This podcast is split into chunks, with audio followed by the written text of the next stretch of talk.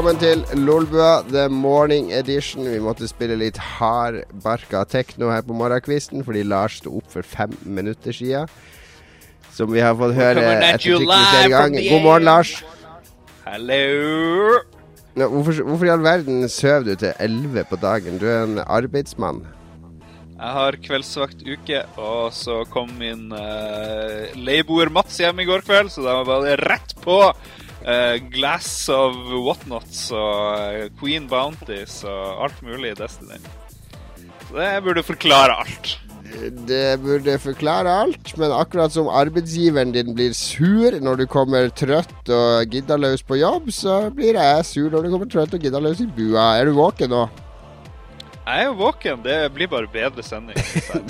Vi får håpe det, fordi å være trøtt er jo ofte Det føles ofte litt som å være full. Eh, eh, Man er sliten og tenker ikke helt klart og sier ting man angrer på og sånn.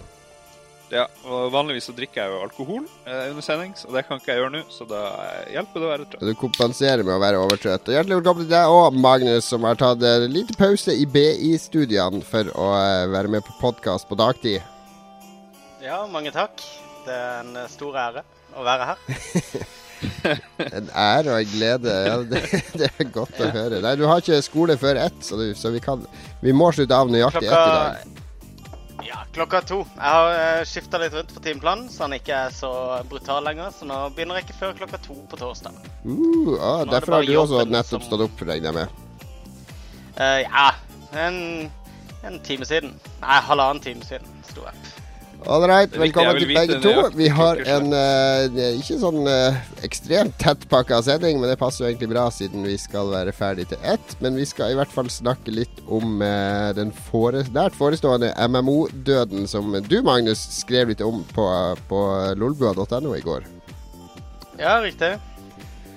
Ehm, Blizzard har jo som kjent uh, kansellert uh, Project Titan. Mhm. som uh, nerder som meg har gått og gleda seg til i mange herrens år.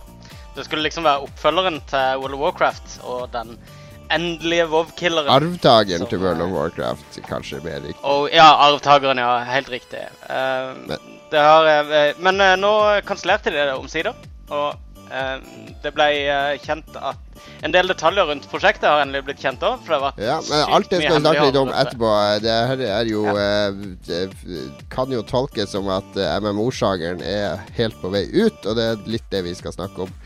Før vi snakker Ja. om det, så kan vi jo snakke om uh, litt om hva som har skjedd uh, den siste uka. Det har vært en uke siden forrige podkast.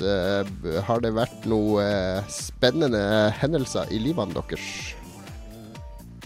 Sinnssykt. Sinnssykt. uh, nei. Jeg har spilt mye, så det, det har liksom uh, begrensa seg til mye arbeid, mye skole og uh, eh, mye avslutning av kveld og natt med sein spilling med kompiser. Så akkurat der så eh, stiller jeg dårlig atter en gang. Atter en gang stiller du dårlig. Atter en gang viser du Magnus, at av alle no i Nordbua, så er det Magnus som har det kjedeligste livet. Ja, men jeg har det egentlig ganske greit. Det er bare Ja, at eh, det skjer Jeg er liksom ikke sånn på eventyr hver eneste helg. Det er jo det beste Jeg ja. Hvordan vil du ha det i livet ditt? Ja, greit. Så hvis du da klarer å få det greit, så det jo, har du jo nådd lykken. Jo, men det er jo ikke at det, bare er greit. Det er mange som går på en knekk fordi de liksom tror si at de skal skal få et sånt der fantastisk liv og bli millionær og, og få villa og Altså, altså kommer Men- ikke men jeg det. kan så jo ikke da fortelle om sånn- Men du har lagt lista på greit. Men det er, jo ikke, det er jo ikke alle tingene liksom kan rapportere inn her. liksom sånn, Ja, nei, jeg hadde en sykt hyggelig burs... Nei, sykt hyggelig middag sammen med kjæresten min. Det Vi kan du hadde vel Det kan du snakke om. Hva sier om du Ja, hadde det bra sex med sånn kjæresten din og sånne ting. Ja, vi er Ja, ikke sant? Hva har du opplevd? Det er jo livet. Det er jo livet. det er jo livet sånn det er. handler om der. Ja. Jo, jo, men ikke sant? Jeg har masse høydepunkter i livet mitt. Men, eh, men alle er kanskje ikke like, like sånn der delelige, da. Det er like er fantastisk å høre om for andre enn meg Du kan snakke om når Så- familiemedlemmer dør og du drar i begravelse, men ikke at du spiste middag med kjæresten din. Det, det sa jeg kanskje Jeg tror jeg brukte tre sekunder av den totale podkasten. Jeg bare prøver å lage litt perspektiv her. Eh, ja, men jeg tror bare ikke det det er jo, det er jo derfor vi har litt er Lytterne liker oss jo fordi at vi deler våre liv. Vi inkluderer de i våre liv. Tror du? Det er jo en av hemmelighetene bak en god podkast, tror jeg, da. Ja. men en må jo ha en, eh, noe å fortelle også, og ikke bare eh, Og alle var enige om at det hadde vært veldig fint og hyggelig og koselig. Det er sant. Jeg vet, jeg, jeg, jeg kanskje liksom- du jo sparer deg til, sparer deg til Se og Hør ringer og gir deg noen penger for ja. å dele Her har Magnus middag med, med kjæresten, og slik har jeg det i Ja, mitt ja. hjem. Men sant, alle gjør jo de samme tingene egentlig, men det gjelder jo hvilket perspektiv har du på det du gjør. Sant? Hyggelig middag med kjæresten, vri det litt.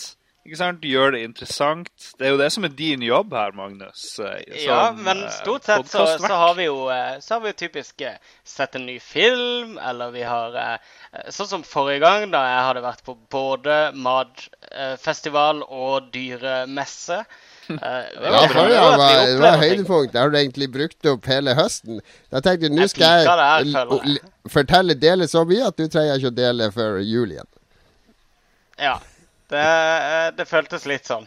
eh, At, eh, at jeg føler at jeg liksom fylte kvota for i hvert fall septemberkvota. Så kan dere bare lay off frem til neste gang, i hvert fall.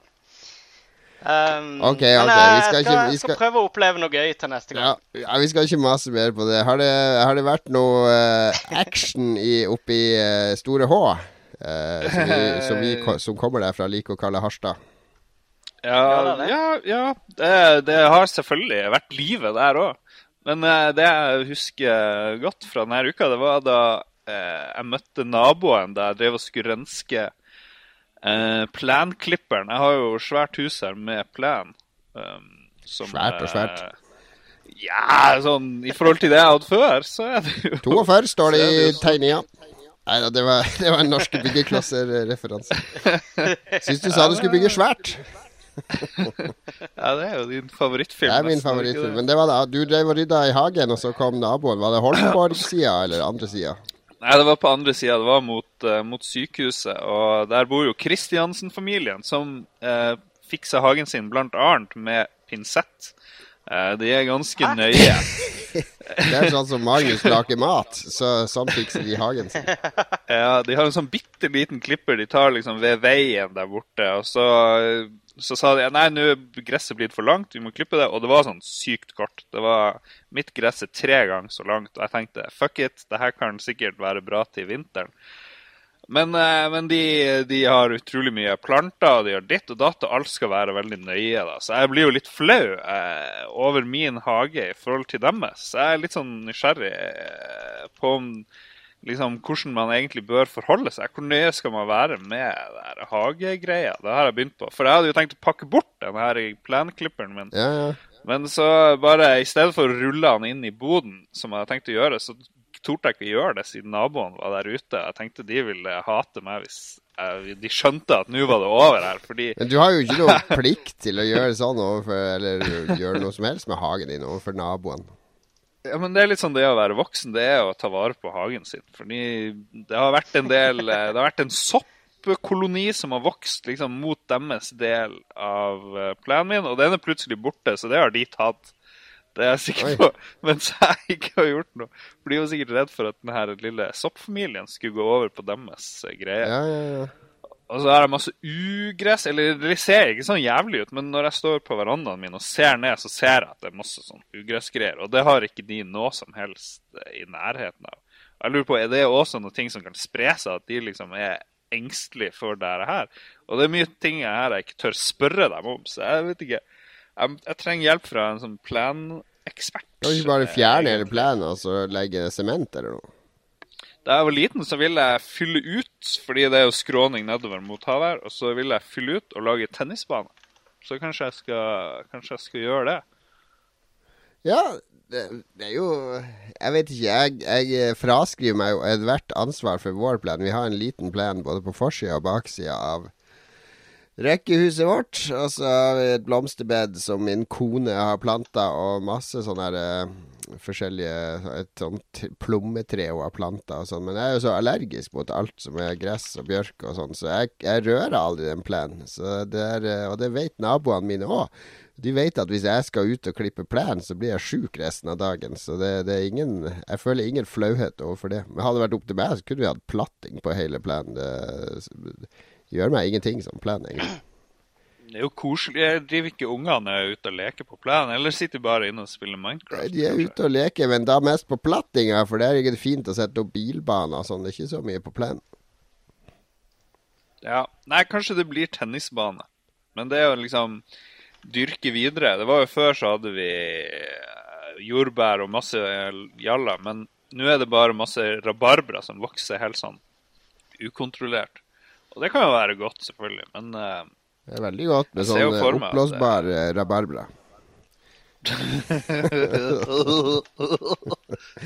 OK. Ja, ja. Nei, men det, Greit. det, det, men har det ikke vært snø der oppe? Jeg så masse snøbilder fra Tromsø.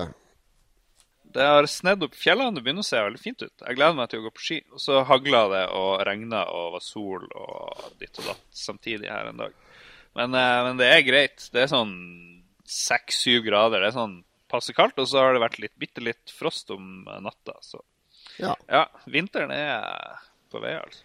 Det er den eh, absolutt i Oslo. Jeg har blitt betraktelig kaldere den siste uka. For jeg har endelig fått lov å bruke min nye høstjakke. Det var litt deilig, for den ble altfor varm. Det har vært sånn ekstremt lang sommer her nede, varmt lenge. Og det er heller ikke bra for allergiene mine. Men jeg trenger ikke å dele så mye mer om de.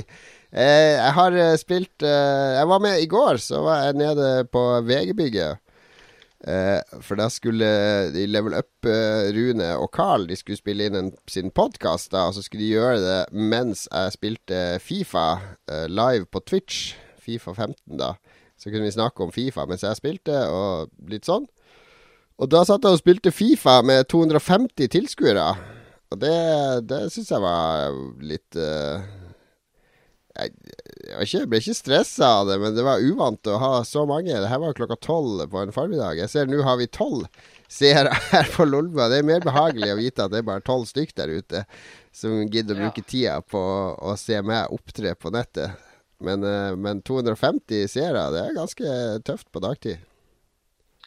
Det er jo nesten like mye som en eh, middels lokal TV-kanal jeg har. Så jeg skjønner jo du blir nervøs. Altså Spesielt med tanke på at jeg spilte Fifa, for jeg er ikke noen sånn Fifa-konge akkurat. Eh, Jeg, spiller, jeg er veldig casual-spiller på Fifa. Jeg spiller egentlig bare med andre. Jeg bruker ikke å spille noe særlig karrieremodus og sånne ting. Men det, det gikk bra, da. Men jeg spilte jo ikke på topp vanskelighetsgrad.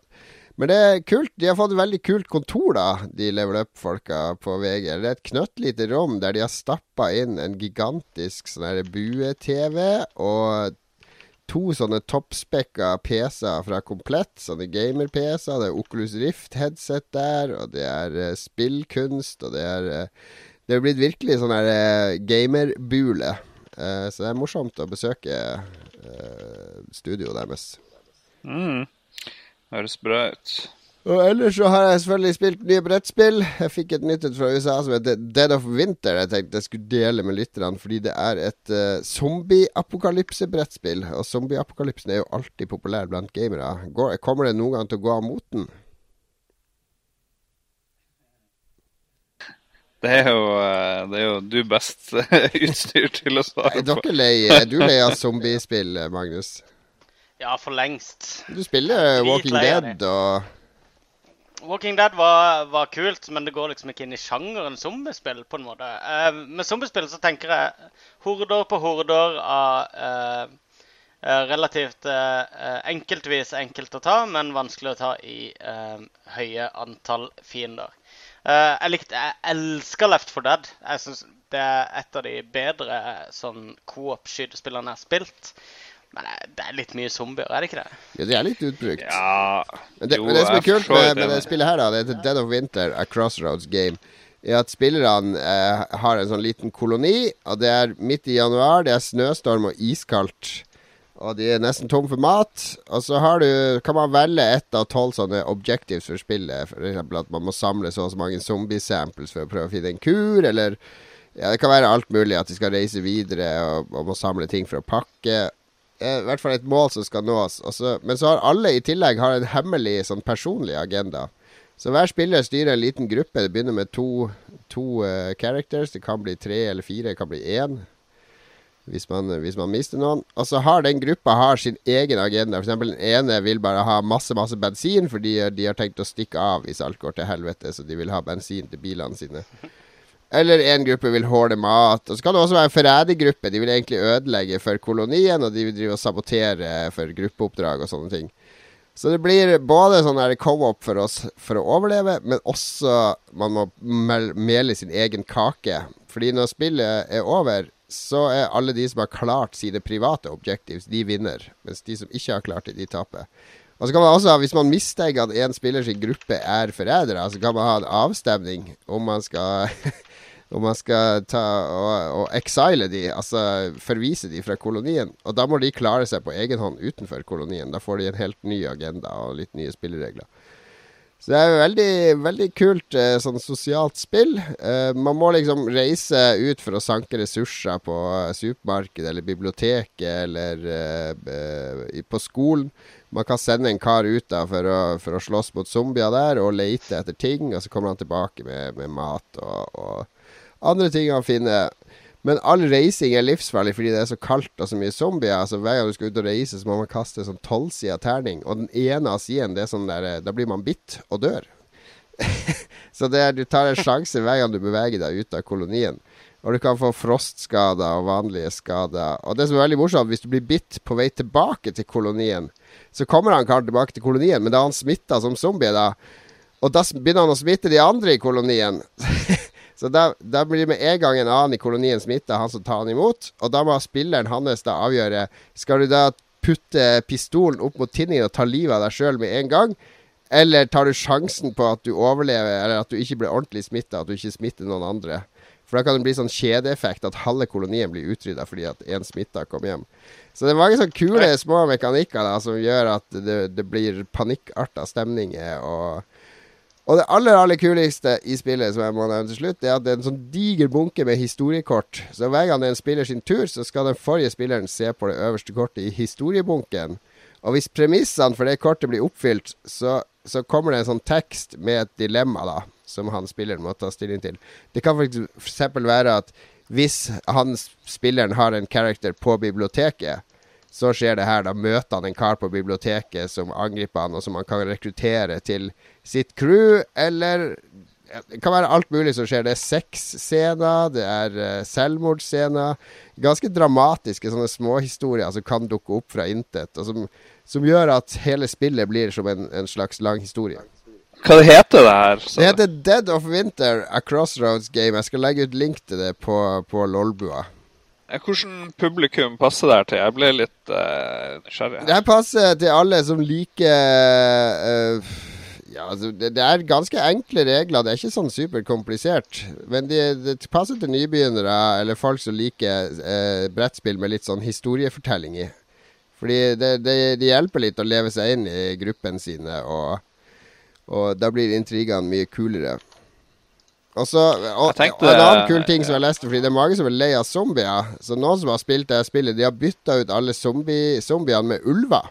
For da er, det med, da er det sånn at menneskeheten er nesten utrydda av et virus. Og så er det sultne ulver over hele byen som, som uh, truer med rabies, som truer med å ta livet av, uh, av folkene. Og da, det funker akkurat like bra. Det blir akkurat samme tematikk. Det blir der uh, kulde og overlevelse og alt mulig, men du slipper der zombieklisjeen. Men dere vet hvorfor zombier er så populære innen spill? Det har jo sikkert en annen forklaring i uh, filmverden, men det er jo fordi zombiespillene er de eneste som klarer å forklare hvorfor fiendene dine oppfører seg som de gjør, på en troverdig måte. Eh, de kommer springende mot deg uten noe særlig tanke og har ikke så mye personlighet. Og er der egentlig bare for å bli bletta. Og fortjener egentlig bare å bli bletta. Ja, du kan og drepe dem med god samvittighet. Og så ligner ja. de på mennesker òg. Ja, du gjør jo det, men du slipper å ha noe særlig forklaring på, på hvorfor de gjør det de gjør. og i, som i mange andre spill, så bare springer de mot deg, og du må skyte dem ned. Det er sånn shooting gallery. Eh. Det veldig takknemlig fiende å bruke for spillutviklere. De er jo basically personifisering av dårlig AI. ja, faktisk. Så jeg tror ikke vi har sett det siste. Nei, og så minner det jo altså også om vår egen dødelighet. Å se en zombie eller drepe en zombie minner oss om hvor vi kommer til å ende opp en gang. Jo da, men det tror jeg kanskje mer i litteratur og, og film. I zombielitteraturen. Som den brede zombielitteraturen. Den brede zombielitteraturen. ja, men de her gamle Hva han heter han? eh, Romero. Romero, ja. Sant? Det, var jo, det var jo noe herlig å se den der zombien i Day of the Dead. Han som, de, som nesten er menneske. Han er halvt zombie og halvt menneske. Ja, han som de forsker liksom, på. Ja, ja, ja. Nei, det er mye bra. Det er jo den dårligste av de der. eh, Ja, men de- der, de der var jo også zombier som er- som uh, samfunnssatire, som uh, uh, forbrukersamfunnet og hjernedøde forbrukere og sånne ting. Så de har jo blitt brukt til alt mulig rart. Nei, jeg liker selv den dårligste der. Det fins jo tre sånne Dead-filmer, de originale der. Day of the Dead og Night of the Living Dead og Dawn of the Dead. og Nå sa jeg det i helt feil rekkefølge, men eh, spesielt her Dawn of the Dead eh, Det er på supermarkedet. Ja, ja. Så den må jo alle få med seg. Den er knakers. Og, da, og, og Det var den første som ble bra. Den ble jo remaka Ja. for ti Ja. år siden. Den var dritfett, den remaken. Den kom eh, Og der fikk eh, hele zombiesjangeren skikkelig oppsving for min del. Når eh, 28 Days Later kom. Og Ja, de det var lanserte- kult. Når du kunne løpe. Ja, de lanserte raske zombier. Ja, det var fett. Og da, da var det plutselig eh, helt nytt eh, gir over, eh, over hele sjangeren. Det var nasty. En revolusjon. Um, hmm? Det var en revolusjon, sier jeg. Ja, men det var det. For da kom alle remakesene av de Romero-filmene også. Og som Kat sier, Dawn of the Dead var kjempekul. Det det var, det er synd Um, at, vi ikke var, at ikke internett var så aktivt da, da, da 28 Days Later kom som det var nå. Tenk på alle de sinte zombiefansen som sitter i harnisk. De kan ikke løpe! De kan ikke løpe! Ja, ikke sant? Det er helt ulogisk. Så alt annet med zombier, superlogisk. men akkurat det er helt Det var sikkert ulogisk. masse hardcore zombiefans som var, som var dritpissed på det her eh, bruddet på mytologien deres. Men Left 4 Dead kom jo i kjølvannet av, av den nye trenden der. Så det var jo en, eh, en eh, veldig kul konsekvens av kjappe zombier. Mm. Eh, og det var jo Mike Patten fra Fate No More blant annet, som hadde stemmen til alle zombiene i uh, Left 4 Dead, hvis jeg ikke er husker feil. det var ganske kult, da. Han gjorde en god jobb da. Ja, han var med i The Darkness òg, det svenske Ja, han var fet i The Darkness. Men så var han også med i um, Og så er det han som er stemmen til han der hjelperen din i Destiny, har jeg hørt. Ja. Det er en litt sånn lavere versjon av OK. Nok, eh, nok Destiny for, for denne gangen. Ja, vi skal sikkert snakke mer om Destiny senere. Men vi skal, apropos zombier, så skal vi over til uh, den spillsjangeren som blir anklaga for å gjøre spillere om til zombier eh, foran skjermen, nemlig MMO-sjangeren. Eh, det- Du, den var bra. Det var en bra overgang. ja, men vi må ikke si det hver gang det er en bra overgang. Det, nå Jo, jo, det kan vi godt. Hver gang vi får noe som ligner på en bra overgang, så avbryter vi hele programmet. Det er jo Ja, ja, fordi vi vi, ikke er så profesjonelle. vi må kunne rose hverandre underveis og, og, og eh, Ja, vi kan rose Og hverandre på uh, postsendingsmøte. Nei, nei, det, det er fint. Ok, men, men MMO-sjangeren Vi har uh, valgt uh, Det var vel best fordi at uh, to av tre i Lolbua lå og sov klokka ni i morges når jeg skulle finne ut hva vi skulle ha som tema i dag. Så jeg tok en sjefavgjørelse og bestemte oss for at vi kanskje skulle snakke litt om MMO-sjangeren sin død. Fordi den, den er vel på vei ut, er den ikke det, Magnus? Jeg syns det er veldig eh, tabloid å snakke om død foreløpig, men Ja, men vi vil jo ha eh, flere lyttere, så vi må jo være litt tabloide. Ja, det er kanskje sant, det. Uh, jo, det, eh, det er sannsynligvis uh, pupper og sex involvert også, og en del drap og intriger og drama. Puppeglipp idet MMO-sjangeren dør. Men det, Yes. det her som trigger det her, var jo Ja. en nyhet som kom denne uka, om at Blizzard har skrapa, vraka, dumpa sitt eh, Eh, kommende MMO-spill Titan. Titan. som har vært under utvikling i syv år, og som skulle være arvtakeren til eh, World of Warcraft. Um, de fikk det ikke til å fungere som de ville, var det ikke det noe sånt de sa? Jo, de sa basically at uh, det, ble ikke så, det ble ikke så bra, så de scrappa det. Og det er jo noe Blizzard er kjent for å kunne gjøre. Det har de gjort før med Starcraft Ghost, Starcraft, for eksempel. Ja. Og en del andre prosjekter som de har påbegynt, men bestemte seg for at eh, de, det ble ikke perfekt, og da dreit de å, å eh, fullføre det. Mm. Det er ganske ballsy å, å kutte et prosjekt etter syv år. Og, og eh, hadde de ikke hatt World of Warcraft i, i, i ryggen der, så tror jeg ikke de hadde vært i stand til å ta en såpass drøy beslutning. Det, han er Michael Patchter. Pachter. Pachter. Pachter. Packattack. Packattack, som han kaller, eh, han kaller podkasten sin for Packattack. Um, han eh, regnet jo med at eh, de kan ha tapt så mye som 140 millioner dollar på å kansellere prosjektet. Mye penger. Mye penger. I sunk cost, som det heter. Uh, Tapte inntekter. Og uh, Men det er jo Ja. bullshit, er det ikke det? De tjener, Det- jo det er penger, si. de tjener jo penger på å lage ulike ting. Og så sier Jo, det seg sjøl at ikke alt blir lagd, men de tjener jo penger eh, Men sammenlagt Men sunk cost, er Dette er pensum, vet du. Eh, det er uh, tapte inntekter.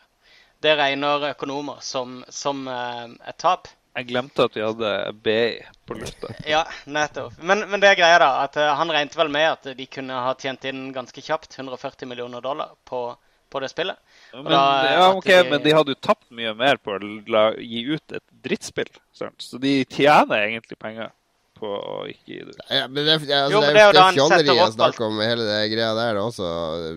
eh, Hva de har tapt eller ikke. Det er jo grunnen til at hvorfor, hvorfor hadde de ikke troa på det her. Og, og det, for meg så må det jo slå meg som at de har prøvd å lage et MMO-spill. Det hadde likhetstrekk med Secret World. Det skulle ha litt sånn cartoony grafikk. Det skulle ha ditt og datt. Og de har funnet ut at det markedet er ikke der lenger. Ja, altså Det skulle være egentlig en blanding av Team Fortress, Destiny og The Secret World, sånn jeg leste den beskrivelsen i hvert fall av spillet. Mm. Um, det skulle være satt til nær fremtid, da menneskeheten hadde overlevd en alien-invasjon og hadde delt seg opp i tre factions. Så var ideen da at du skulle Det var en helt sånn dagtid-del av spillet, hvor du bare skulle dra på jobb og jobbe. Eh, de hadde leid inn Eller de hadde hyra inn masse folk fra Maxis, som da var The Sims, Ja. for å få i gang en slags sånn derre, eh, AI Um, hos forbrukere, da, kunder, da, sånn at han kunne bygge opp uh, nære kundeforhold uh, i butikken, f.eks. Se banan! Eh, altså, du kunne, uh, du kunne uh, gjennom å være serviceinnstilt osv. Så, videre, så kunne du bygge tette kundebånd. Du kunne også få deg kjæreste, som kunne bli kone eller mann, og du kunne få barn. Og det var en helt enormt mye energi som så ut til å legges inn i denne her dagliglivet-delen av spillet. Ehm, men på natta så kunne du stikke opp på et rom og skifte kostyme og reise ut og fighte de andre factionsene. Og da skulle det være sannsynligvis førsteperson, mens det var tredjeperson eh, på dagtid når det ikke var noen kamper. eh. Det høres ut som en persona-ripp å få, spør du meg. Ja, mulig. Ja, det er Eh, skoleliv og sosialt liv på dagtid, og kjærester og eh, social links og greier. Og så på nattestid skal du ut i dungeons og kjempe mot, eh, mot slemminger og få lut. Riktig. Og, og det var jo eh, eh, Det var jo i og for seg en god idé, men eh, jeg tror det de har sett, er at trendene på PC nå i hvert fall er, er Det aller, aller meste går i kjappe kamper. Det er ikke så mye sånn lang, langsiktige investeringer i de ja, store feltspillene. Det er jo du investerer jo i å bygge opp uh, ditt eget skillset. Det er jo det folk Folk bruker jo hundrevis av timer Ja, ja. På, på Mobas, som Dota og LOL og sånn. Og det er jo en investering i form av at du blir flinkere som spiller. Du får, spillet gir Jo, ja. deg ikke mye Du, du bygger ikke opp noe sånn der uh, fiktiv figur med fiktivt utstyr og fiktive belønninger. Eh, det er ikke den reward-strukturen som det var før. Det er mye mer uh, direkte på deg som spiller. Ja. Men det er også at, at, at ting skjer kjappere, da. Altså eh, du, du så jo Du har bare sett, se hvordan World of Warcraft har endra seg de siste fem årene. Det har gått fra dungeons som kunne ta liksom ni timer, til eh, at alle tar ti minutter, nesten. Du har raids som tar litt lengre tid, Ja. men Men hvor, hvor mye tror du være- Nå er det jo Activision Blizzard. Hvor mye tror du Activision hadde sagt det? Nå har de nettopp lansert et fremtidsretta eh, halvveis MMO som er litt skytespill, og som har fått en relativt lunken mottagelse hos kritikere. Så tenker de, skal vi virkelig finansiere enda et sånn her syv-åtteårsprosjekt som, som får like lunken mottagelse fordi ingen skjønner det eller er klar for det? jeg tror Blizzard har full uh, carte blanche hos, uh, hos, Activision. Det må ha vært en deal uh, innad Eller må ha vært noe i kontrakten deres om at vi gjør som vi vil, men vi kan godt gjøre det under deres Dere får en bit av kaka. Jeg kjenner ikke, ja. kjenner ikke de så men, godt. Men sånn har Electronic Arts til og med med, sine, med veldig mange av sine partnere, da, som Dice og Maxis og sånn. Så hvis ikke Blizzard har full frihet, så ja. vil jeg men, men, men, hvis ikke for, for jeg ville jo trodd at hvis, hvis, Activision bestemte, så ville jeg trodd at uh, Project Titan hadde blitt gitt ut. Som World of Warcraft 2? Ja. World of Warcraft Future 2. og uh, hatt uh, en haug med expansions som hadde kommet i etterkant for å Ja. Oppstykka og expansion-basert. Men, men, hvis ikke Blizzard lager et nytt MMO, hvem andre skal gjøre det da? Fordi nå har Elder Scrolls Online kommet. Det var, det var ikke dårlig MMO, det. Jeg, jeg, spilte det et godt stykke. Det var helt greit, men det, det, føltes som du hadde spilt veldig mye av det før, selvfølgelig, som du gjør i alle MMO. Og den, den spillverden fanga meg aldri. Så kom Wildstar, det prøvde jeg òg i sommer. Det var artig, det var sprudlende, det var nytenkende på mange måter. Men det, det er jo ikke folk som spiller de her spillene lenger. Altså, det er masse folk første måneden, og så virker det som at uh, alle gjør, går og gjør noe annet.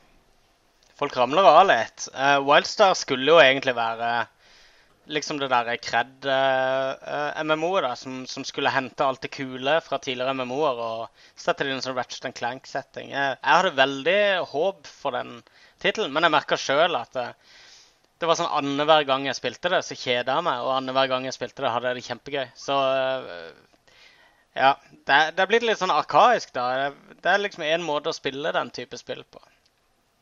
Uh, og jeg har kanskje savna litt sånn konsollversjoner av, av, sånne spill også.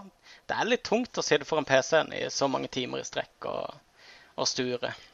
Det er jo det. Jeg hadde også masse håp for Wildstar. Jeg var jo i Brighton og så på spillet for et par år siden og spiste middag med Og de utviklerne noen av de hyggeligste, opp, mest oppegående folk jeg har møtt, med så bred erfaring, og som absolutt visste hva de gjør. De skulle lage weekly, weekly new content og greier, og det var helt uh, superambisiøst. Og det var morsomt å spille òg, men men det, det, er jo sånn folk snakker om at 80% drop-off rate etter første måned, liksom. Det er bare 20% som ble, ble igjen i spillet. Det er jo ganske alvorlig. Ja, det er litt trist at eh, det går i den veien der.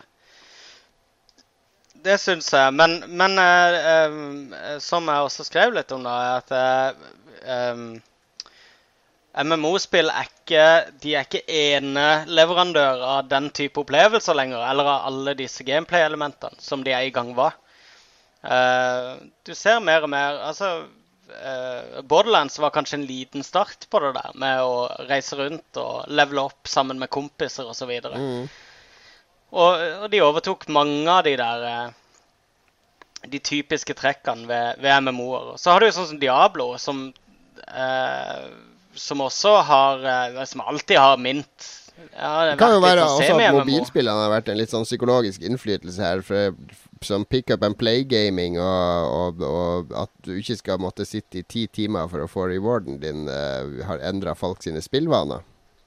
Ja, riktig. Og det, um, og det, ja, det var jo det uh, poenget jeg var innom litt tidligere, ja. med, med åssen de korter ned på alle spilleopplevelsene. Men så ser du sånn som på Destiny, ja. Ikke sant? De har prøvd å ta det enda lenger. Og og vi kommer sannsynligvis til å se mer og mer uh, sånne MMO-elementer som dukker opp i forskjellige spill. Altså Grinding er jo det som holder meg i Destiny. Det er jo grunnen til at jeg spiller Destiny. Det er det der grind-genet mitt som bare eh, må, må, ha mer. Ja. Eh, og, og, og eh, hvis, hvis en klarer å levere det, så trenger du ikke levere så veldig mye mer for å holde på spillerne dine. Dessverre. Eh, og, og det tror jeg flere og flere utviklere vil få øynene opp for å sannsynligvis inkludere i sine spillere. Så vi, vi, kommer nok til å se mer og mer av det. Men er, er det man, Lars, du har vært veldig stille. Er det trist at MMO-spillene som vi eh, kjenner, de ser ut til å, å, å forsvinne og bli en veldig nisje, nisjespill igjen? Det er kanskje en grunn til at jeg har vært stille. Jeg tror det var noe rart med lyden min her, men nå hører dere meg kanskje. vi hører det nå. ja. Eh, det er jo litt trist, men jeg gjorde meg jo egentlig litt ferdig med akkurat det der, i hvert fall det der Kill Rabbit og springe ut i enga og drepe folk på 90-tallet, da vi spilte de her uh, MUD-spillene. Jeg har i hvert fall ikke spilt noe MMO. You're showing your age. jeg har ikke spilt det på samme måten, i hvert fall. Men jeg syns jo Destiny gjør jo uh, sitt til å veldig nyvinne hele hele formelen. Jeg er veldig nyvinnende å stå og skyte inn i en hule. Ja, de ja, gjør i hvert fall en vri som fenger oss, da, siden vi nå står og skyter inn der jævla, jævla hula. Det er jo fordi det er, det, det er sånn de har balansert spillet, at det er den mest effektive måten å få utstyr på. Jeg er sikker på at Valve har hatt en eller annen prototype eller tenkt hardt på hvordan de skulle lage sin egen eh, MMO. Jeg lurer på hvordan det, hvordan det hadde blitt. Half-Life-MMO-en. Ja. Det var noe sånn trea skulle være, ikke sant? Det er derfor Good den ikke Lord. har kommet. En Half-Life MMO. Men ja, det blir begravelse. Når skal vi ha uh, gravøl for, uh, for MMO-en? Vi må jo samles en gang. Tror vi driter i det. Eh, skal, skal, vi samles? jeg føler de folka som samles for ting som er MMO-relatert, de kommer ikke til å slutte å spille MMO-er med det aller første uansett. Nei, det kan jo hende. Da, der så, blir det Og de som eh, ikke gjør det, de har vel egentlig ikke noe behov for å ta en gravøl for MMO-en. Riktig. Men jeg syns jo det er litt trist at Blizzard skulle kutte det der ut. For det hørtes for meg ut som det var en kombo av Animal Crossing og eh, et eller annet. Jeg tenker en Animal Crossing-MMO hadde jo vært helt konge. Da skal du glede deg til vi, skal, til vi, skal, snakke om hva vi har spilt i det siste etter pausen om litt. For da får du nemlig ditt Animal Crossing, MMO, dagjobb eh, Multi-RPG-type spill når jeg skal snakke om Fantasy Life. Men eh, det tar vi etterpå. Vi skal innom eh, Skal vi avslutte MMO-debatten der? Ja, det kan vi godt. Jeg har ikke så mye mer å legge til. Jeg har ikke så mye viktig å si der ennå, nei. nei. Vi går rett over på et par nyhetssaker.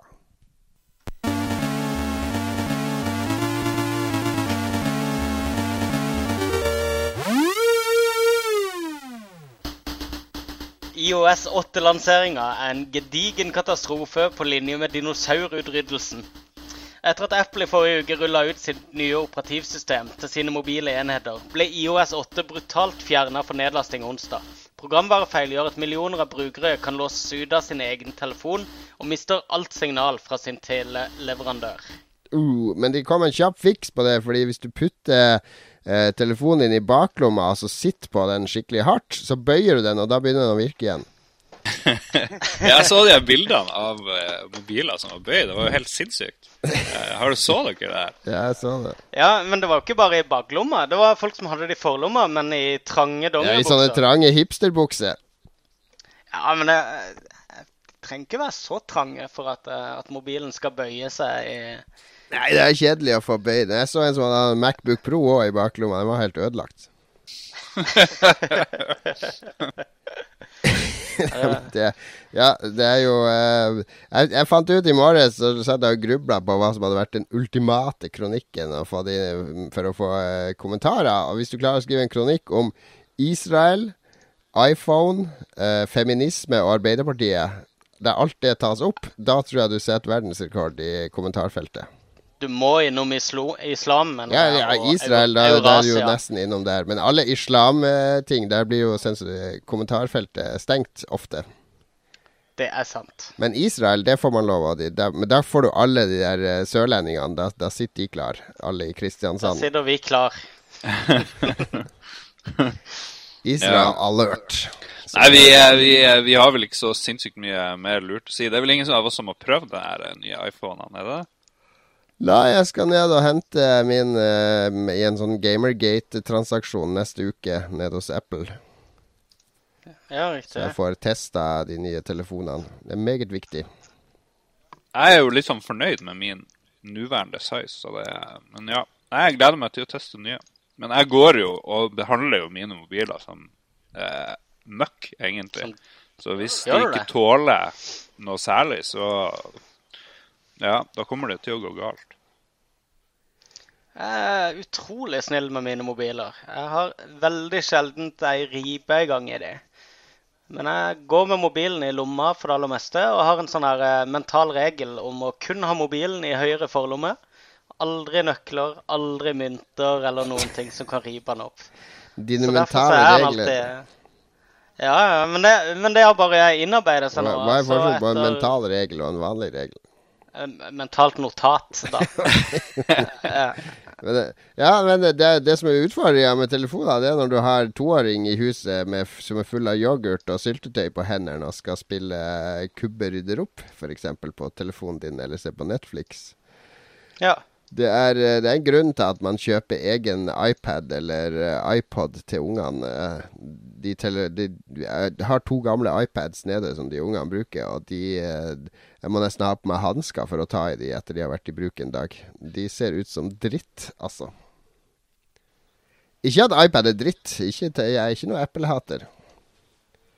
Å, ser det virkelig kommer det å snakke om frem, eh. Apple? Vi har gått fra 18 seere til 23.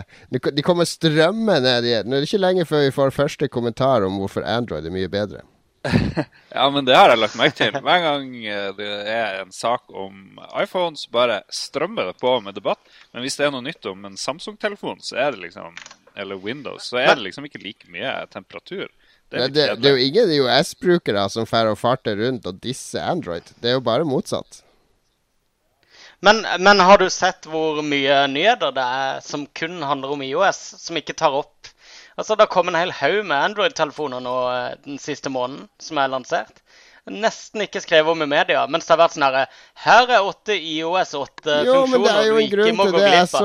så Det er en av de Dagbladet, eller VG eller hvem da de, nei, jeg tror det var Dagbladet, de la ut Aftenposten. statistikk her om dagen med hvor kommer folk fra når de kommer inn på dagbladet.no. Og det var sånn 37% fra PC-browsere. Og så var det 30% fra IOS. Og de som kom fra et Android-operativsystem, var på 10-12 Mm. Så det er klart at Ja, ja, ja. Jeg vet jo at i, på verdensbasis så er jo Android er jo mye, mye mye større enn enn, eh, iPhone. Fordi Android kan brukes i billigmobiler i Sør-Amerika, Afrika, Asia osv. Så, videre. så det har blitt gigasvært i de områdene. Men i Norge så er jo IOS-bruken ekstremt høy i forhold til, eh, til eh, Ikke folketallet, men sammenligna med Android. Det er veldig, veldig mange i Norge som bruker IOS. Men blir ikke det litt, eh, blir ikke det litt ond sirkel også, da? Hvis de, eh, hvis de fortsetter å bare drive avisen Jo, men hovedgrunnen til at de skriver så mye om det òg, er jo at alle Android-idiotene kommer inn og kommenterer. Og så kommer de, de sakene Ja, ja. får enormt mye klikk av alle Ja. haterne som klikker på dem bare for å si 'Å, for noe dritt! Å, se den bøyer seg! Å, eh, ha-ha, Apple! Og dette hadde vi for fem år siden på Android!' Ja, men jeg, jeg forstår businessaspektet ved det. Men, men aviser har jo en viss form for opplysningsplikt òg. Det kan vi jo ikke legge helt uh, Ja, de hadde, Eh, hadde i bort. hvert fall. Ja, ikke sant? Så det Ja, men Og, og akkurat der føler jeg, jeg Jeg føler nesten at Android blir neglisjert i den eh, sammenhengen der. Det er veldig lite som står om det. Og det er, mens det er IOS på, på de minste, mest syltynne grunn, grunnlag, blir det lagd listesager opp og listesager ned om eh, bare et nytt sånn Dette her Nå skal Slik blir fremtiden endret for deg, og sånne ting som det der. Ja. Eh, Det er jeg enkel og grei og over det. oversiktlig journalistikk som er lett å lage, ikke minst. Det er mye vanskeligere å lage Android-journalistikk som fenger. Ja, ja, men, men jeg, jeg har ikke noe problem med forklaringene. Det, det er jo helt åpenbart Ja, eh, men Hvilke journalistisk saker vil du ha da om Android? Hva er Slik skal Korea Nei, det har vært eh, annonsert nye LG-telefoner, nye Samsung-telefoner og nye Sony-telefoner den siste måneden. Hvor mye har du lest om de? Nei, jeg har nå fått med meg at de kommer, men det er jo Nyhetens interesse med- er jo større. Folk er jo mer interessert i hva Apple gjør. Det var jo de som fant opp smarttelefonen sånn som vi har den i dag. Så det jo Men hva, hva med smartklokker? Hvor mye har du lest om det før Apple-klokka ble lansert? Hvor mye visste du om de smartklokkene som har blitt lansert gjennom hele sommeren? Ingenting, nesten. Ingenting! Du vet ingenting Nei, om disse det- klokkene! Nei, men det er, jo, det er jo poenget, da. Og da blir det jo en sånn selvoppfyllende Eller det blir jo en sånn ond sirkel i det. For det at hvis de bare snakker om, om Apple, så kommer folk til å kjøpe Apple og interessere seg for Apple. Og da forsvinner jo interessen. Det er jo mye mer folk som hater Apple enn de som liker det. Tror nå jeg da. Så jeg syns ikke så veldig Jeg føler ikke at bildet er så veldig vridd. Det er jo bare å se på de kommentarfeltene. Det er jo hate, hate, Jo, men dekninga er jo vridd for det. Ja, men dekninga er jo vridd. Men det er jo Ja, OK, vi har forklart det her. La oss gå videre. La oss Ja. gå videre til neste sak før det utvikler seg til Israel-Palestina-debatt, det her, som er alle Apple Nei Android-debatter. Nei, vi, vi diskuterer det på litt forskjellige premisser, bare. Skjer forskjellige premisser, forskjellige blemisser, klemisser, slemisser. Sverdspill tok seppuku. Forfatteren Neil Stevensons sverdspillprosjekt Clang er lagt ned. Spillet søkte penger på Kickstarter, fikk over 500 000 dollar og nådde sitt mål. Det var likevel ikke nok til å holde hjulene i gang for selskapet, som nå sier de har tapt bøttevis av penger. En alfautgave ble gitt ut, men Stevenson innrømmer at de glemte å gjøre spillet morsomt. Det var jo uh, synd. Ja, men vi liker jo eh, I hvert fall to tredjedeler har lest en del Neil Stevenson. Jeg er veldig glad i Neil Stevenson. eh, Han, er utrolig flink å skrive, men kanskje han skal holde seg unna dataspill. eh. Ja, han er sånn sverdfanatiker og Ja, ville jo så- lage spillet sitt. Jeg så jo den. Kickstarter-videoen med han i Og jeg skjønte jo at det her er jo så ambisiøst at det kommer aldri til å bli noe av. Så, men kast gjerne pengene dine på bålet. Ja, det var litt sånn living-kostyme han går rundt i, og liksom De skulle jo lage spillet så realistisk som det går an og mulig i sverdkamp, og eh, ja, ja. Jeg vet ikke. Det er blir det Husker så du på PlayStation 1, eh, Lars, når vi satt med Vi var ferske PlayStation 1-eiere, satt med Wipeout og Tekken og sånn. Og så fikk vi en sånn demodisk eh, sånn Square-sampler, var det ikke det den het? Ja, ja, ja. Med en sånn eh, demo av Final Fantasy 7 og Bushido Blade. Og husker du vi spilte den Bushido Blade oppi den der bambusskogen der du kunne slice bambustrærne så de datt av? Og det var sånn one hit, one kill-greier. Ble du truffet av, av samuraisverdet til motstanderen, så var du død. Det var ganske intenst. Morsomt. Det var et bra premiss. Ja, absolutt. Nei, så det, det, Han har sikkert tenkt i de banene, liksom, å få det spennende. Men uh, når du skal researche hvordan Ja, for ulike Bushido Blade var, ble, var jo egentlig ikke så spennende når vi fikk fullversjon. Ja, det var noe mer bedre sikkert enn det her Clang. Fordi når fokuset er like mye på hvilke klær de hadde på seg i ulike perioder, og liksom akkurat materialene og ditt og datt på sverd og stokker og bambus og alt det der. Så eh, ja, ja, men det var en god idé. Men han drev vel òg Det skulle vel òg funke med det her, eh, de her eh, nye kontrollerne. Ikke noe sånn her Oculus Rift, men det var noe sånn her eh, greier. Sant? WeMote-aktig. Ja, sånn move- move-kontroller og sånn. Ja, og det, det, det har jo aldri helt funka enda. De har vel ikke den helt gode Nei, det var, det var vel et spill som for en nisjegruppe mennesker, og da må du jo også ha et budsjett og ambisjoner deretter. Men vi kan jo heller anbefale noen bra eh, Neil Stevenson-bøker. Det kan vi. Vi kan jo begynne med Det er mye å ta av. Han, eh, Det første vi leste, må ha vært den der The Diamond Age, kanskje? tror jeg. The Diamond Age. Den om hun uh, jenta hun som har den der primeren som, som Uh, ja. ja. Det handler jo Ja, om et den- pizzabud med samuraisverd. Ja, ja, ja. Den er morsom. Men spesielt den der, eh, det med hun der jenta, fordi det er en sånn jente, foreldreløs jente der, som finner en sånn der hypermoderne, kul eh, Det er vel egentlig en slags iPad med et program på som blir liksom foreldrene hennes. Eller det programmet, det trener hun opp, da. Så hun må gjøre sånne oppgaver der for å låse opp mer og mer og mer. og mer. Og det blir som å gå på en skole, for hun, hun lærer seg å lese, hun lærer seg historie, hun lærer seg teknikker og treninger og alt mulig via A Young Girls Primer to et eller annet som det der. eh. Ja, men nå blander jeg jo. Den der Diamond Age er jo helt forskjellig fra Ja, Snow Crash. Snow Crash, Jeg snakka egentlig om Snow Crash. Nettopp. Ja, og den er også veldig kul. Det er der du har han pedo, det er der forbrytere må tatovere forbrytelsen i panna. Det er der du har Så- pizzabudet. Men den er kul. Men, også, men jeg syns også Kryptonomicon, eh, som jo handler om eh, verdensøkonomi og både andre verdenskrig og nåtid, eh, er veldig imponerende. Og ikke minst den der trilogien om verdensøkonomien, som er den Quicksilver og Ja, den blir ganske heavy. Den er ganske tung, men på andre gjennomlesning, jeg har lest to ganger, så er den veldig, veldig fornøyelig når du har litt mer eh, peiling på hva som egentlig skjer.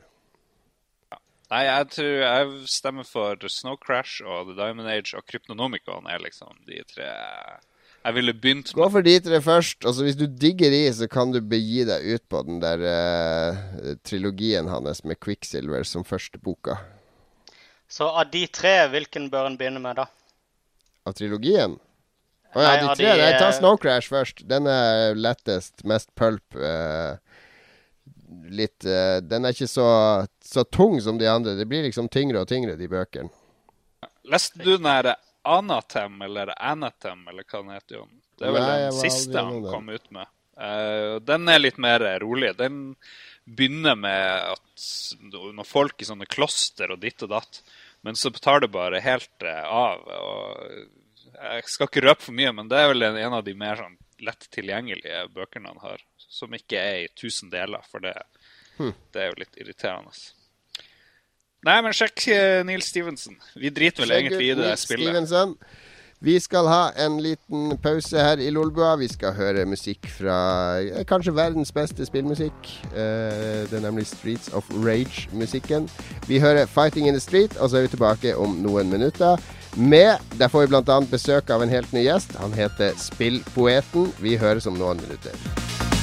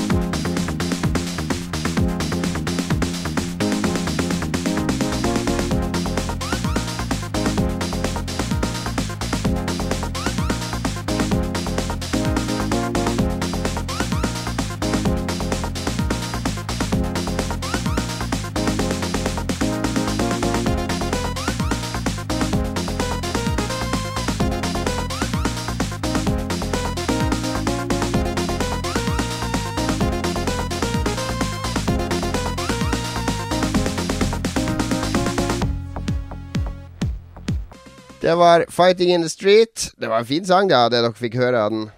Han, eh, det, er, det, er, egentlig ingen spillmusikk som ligner på Streets of Rage 1 og 2. Det er bare sånn helt utrolig sånn der funky dansegulv-spillmusikk.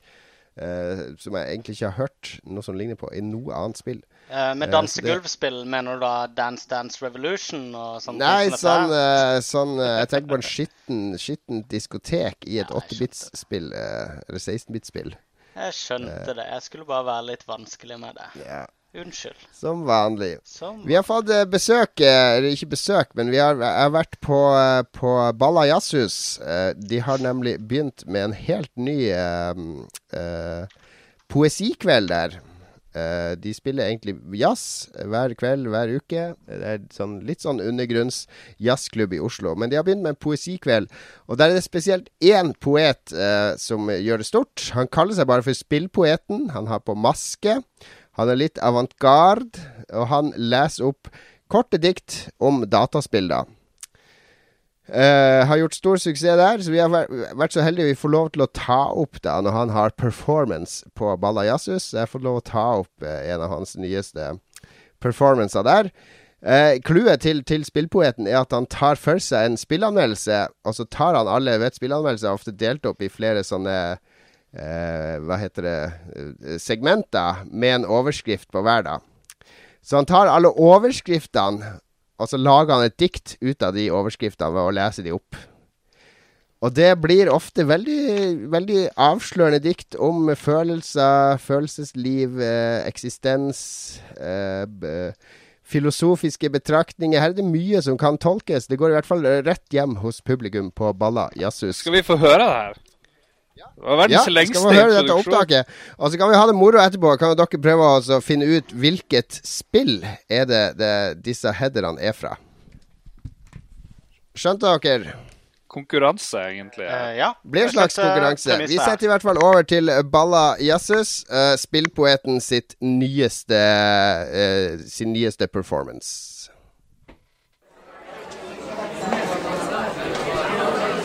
Mine damer og herrer, det er meg en stor ære og glede å ønske velkommen til vår største poet her på Balla Jazzhus. Ta vel imot Spillpoeten!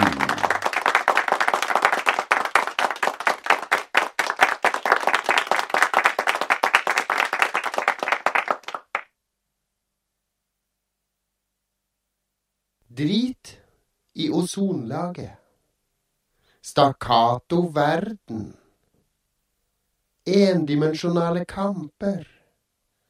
Et vaskeekte skytespill. Snakk med meg! Kjerne, kjerne, kjerne.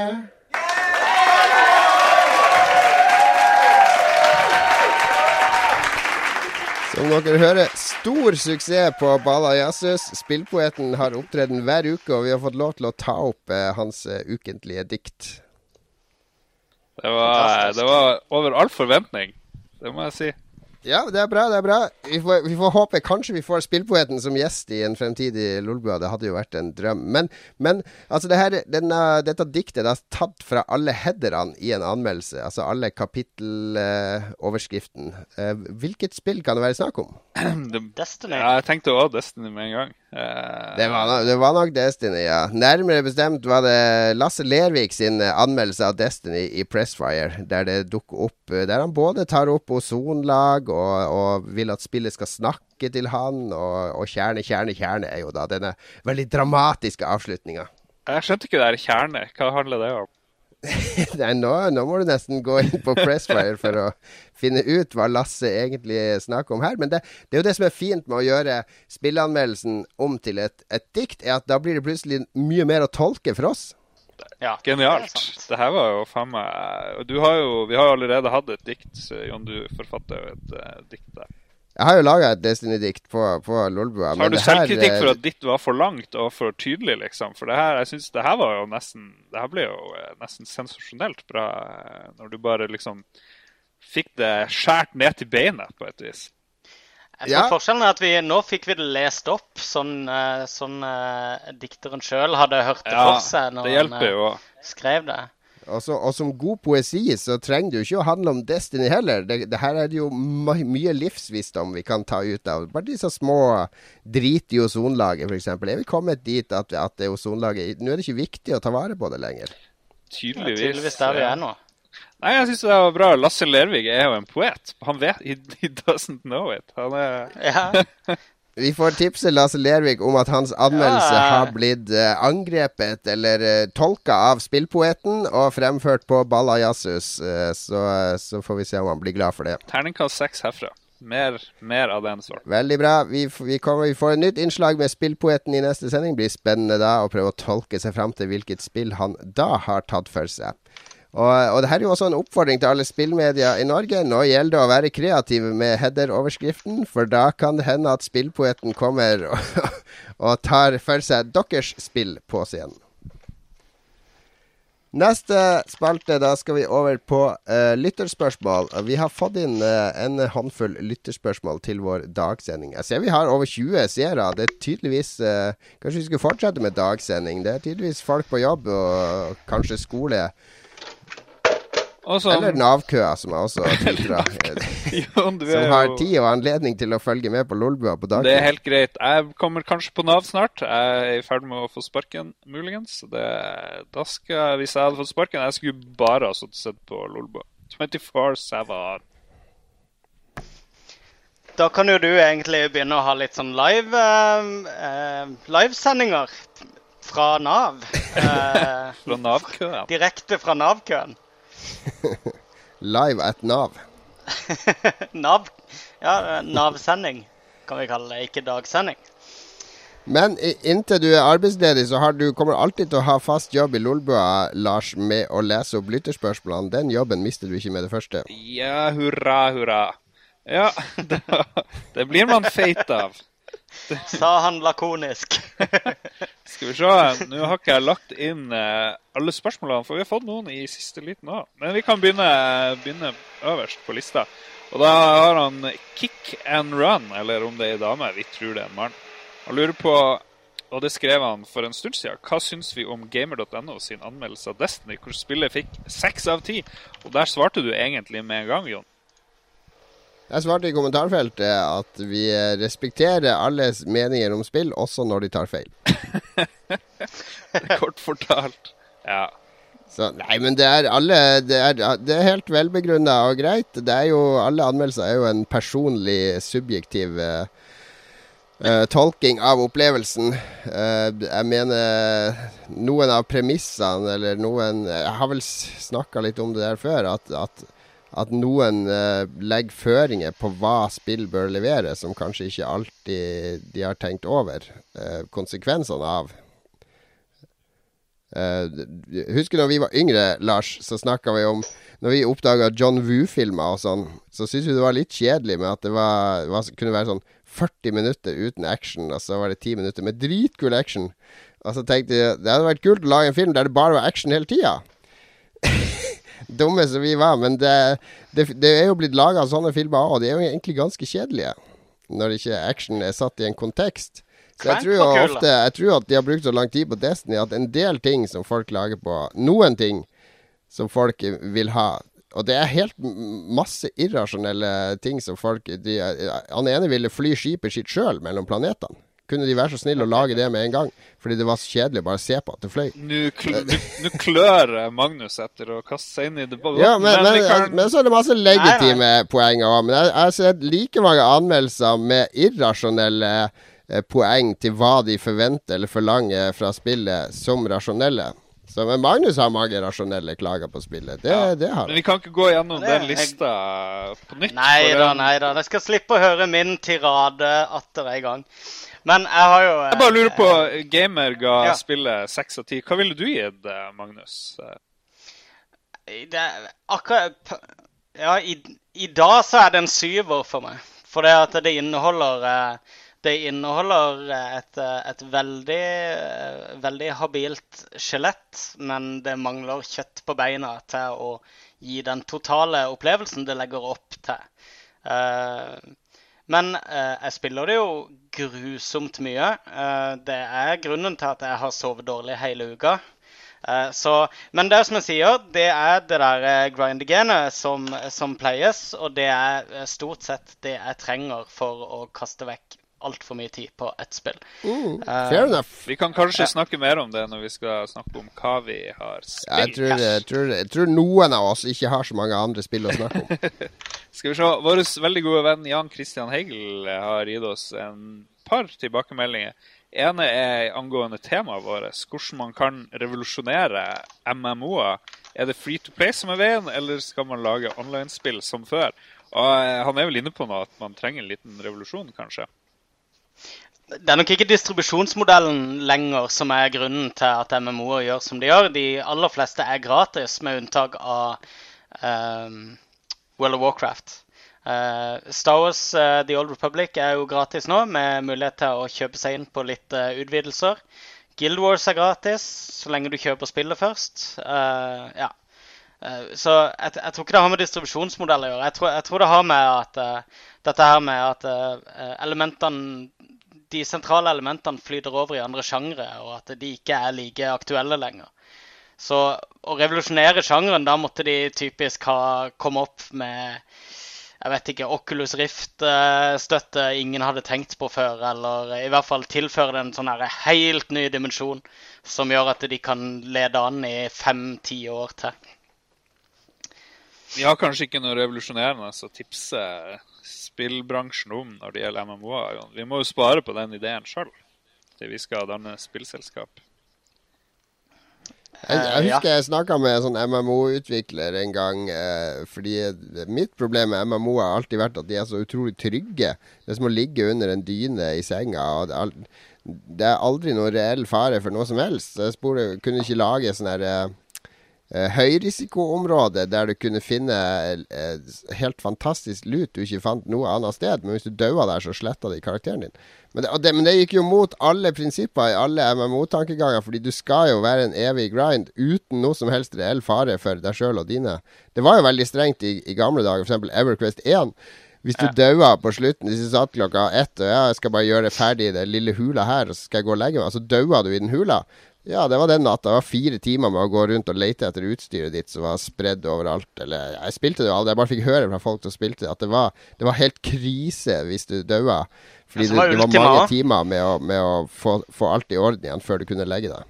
Ja, Ultima Online også var jo sånn. Uh, ja, og, i gamle uh, dager var det sånn, men, men i, i, moderne tid så er det sånn at spilleren skal aldri straffes uansett. Du skal liksom belønnes uansett hva du gjør. Hvis du bare vil stå her og slåss mot de her eh, som spåner hvert minutt eh, fram til mm. du er level 60, så vær så god, du kan gjøre det. Jo, men nå glemmer dere jo Daisy og alle de rogelike-spillene som har dukket opp. Det er vel en liten Og de har vel òg kanskje vært en viktig faktor i, uh, i uh, det å, å, døde og spenne ben, spenne bein for MMO-ene. Fordi når du spiller DayZ, så er du jo redd og nervøs, og det er intenst hele tida. Og så går du tilbake til å spille World of Warcraft, så er det som å legge seg under kosedyna igjen. Det her er alt bare koselig og greit og lett og enkelt hele tida. Men World of Warcraft er et veldig annerledes spill enn det var før. Det er, det er nesten det motsatte av hva det var før. Det er, det er en helt annen appell.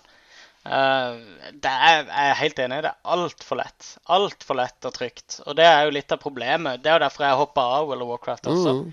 For det, det hadde ikke lenger den der greia med at det er du og teamet i en dungeon, og du klarer ikke å få tatt den bossen. Du har wipa tre-fire ganger, og en begynner liksom å diskutere strategi innad i gruppa. Hvordan skal vi gjøre dette? OK, OK, sånn gjør vi det. Og så igangsetter du en så, nøye planlagt plan, så, eller nøye skissa ja. plan, og så, så og så vårt råd til MMO-ene er at de må gå hardcore igjen. Uh, tiltrekke ja. seg den der uh, hardcore-spillerne, og så kan de myke sakte opp og få den samme effekten som World of Warcraft hadde på MMO-en. Mm. Eh, Konfusus 90, Jan Christian Hegel, han har enda et spørsmål til oss. Han lurer på hvordan glemt perle slash undervurdert spill eh, vi anbefaler at folk skal prøve. Og her blir det jo helt random. Eh, det er et spill jeg tenkte på i går da jeg hørte på Player One Podcast, en veldig bra eh, podkast som jeg anbefaler folk å høre. og Der har han ene som er med i podkasten, han har en sånn fundraiser-greie hvor han samler inn penger, og så får folk foreslå eh, hvilket spill han skal spille i løpet av 24 timer. og Det er bare sånne retro-greier. Så da tenkte jeg skulle gi han eh, noen dollar. Eller hvis du gir han 25 dollar, tror jeg det, så bestemmer du eh, hvilket spill han skal spille. Og så er det ulike slott som man må velge tidlig ute. Da skulle jeg foreslå Hero til eh, Commodore 64, bare fordi jeg savner det spillet. Og av og til tenker litt på det. Hero, altså det todimensjonale grotteklatringsspillet der du kunne slippe dynamitt og fly med sånn helikopterpakke på ja, ryggen? Ja, det var skikkelig Det var 100 Det er så retro at du hadde ikke engang jetpack. Du hadde sånn eh, ryggsekk med en rotor oppå. Yes, det var genial handling i det spillet, og du måtte ha ganske høy skill for å komme deg gjennom det i det hele tatt. Så ja, det, det, det, hvis du har en sånn emulator, så prøv det. Morsomt. Men det er en glemt perle. Ja, Jeg vil anbefale Starseed Pilgrim, som kom for to år siden. Som er laga av en kanadisk uh, spillautist. Som er uh, Du er en romgartner. Uh, skal plante ulike frø på rute i ulike farger, som skaper ulike effekter. Og Det høres veldig kjedelig ut, men så oppdager du at det er masse regler i det her universet som du egentlig må Du må oppdage spillereglene mens du spiller. Det er veldig, veldig, veldig, veldig, veldig, veldig bra spill. Starseed Pilgrim. Uh, min anbefaling er kanskje ikke en obskur, uh, glemt perle, men et spill som gikk de aller fleste hus forbi. Uh, og det er et spill jeg begynte å tenke ganske mye på igjen når denne MMO-greia kom opp. Uh, og det er Star Wars uh, The Old Republic, som fikk, det fikk en veldig sånn middelmådig mottagelse overalt.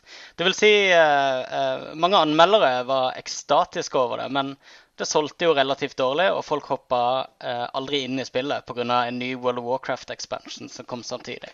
Men hvis du bare har lyst til Hvis du spilte Nights of the Old Republic 1, og i hvert, eh, i hvert fall én, og kanskje to, så er Star Wars The Old Republic det er gratis å spille. Du kan spille det i single player basically gjennom hele storyen.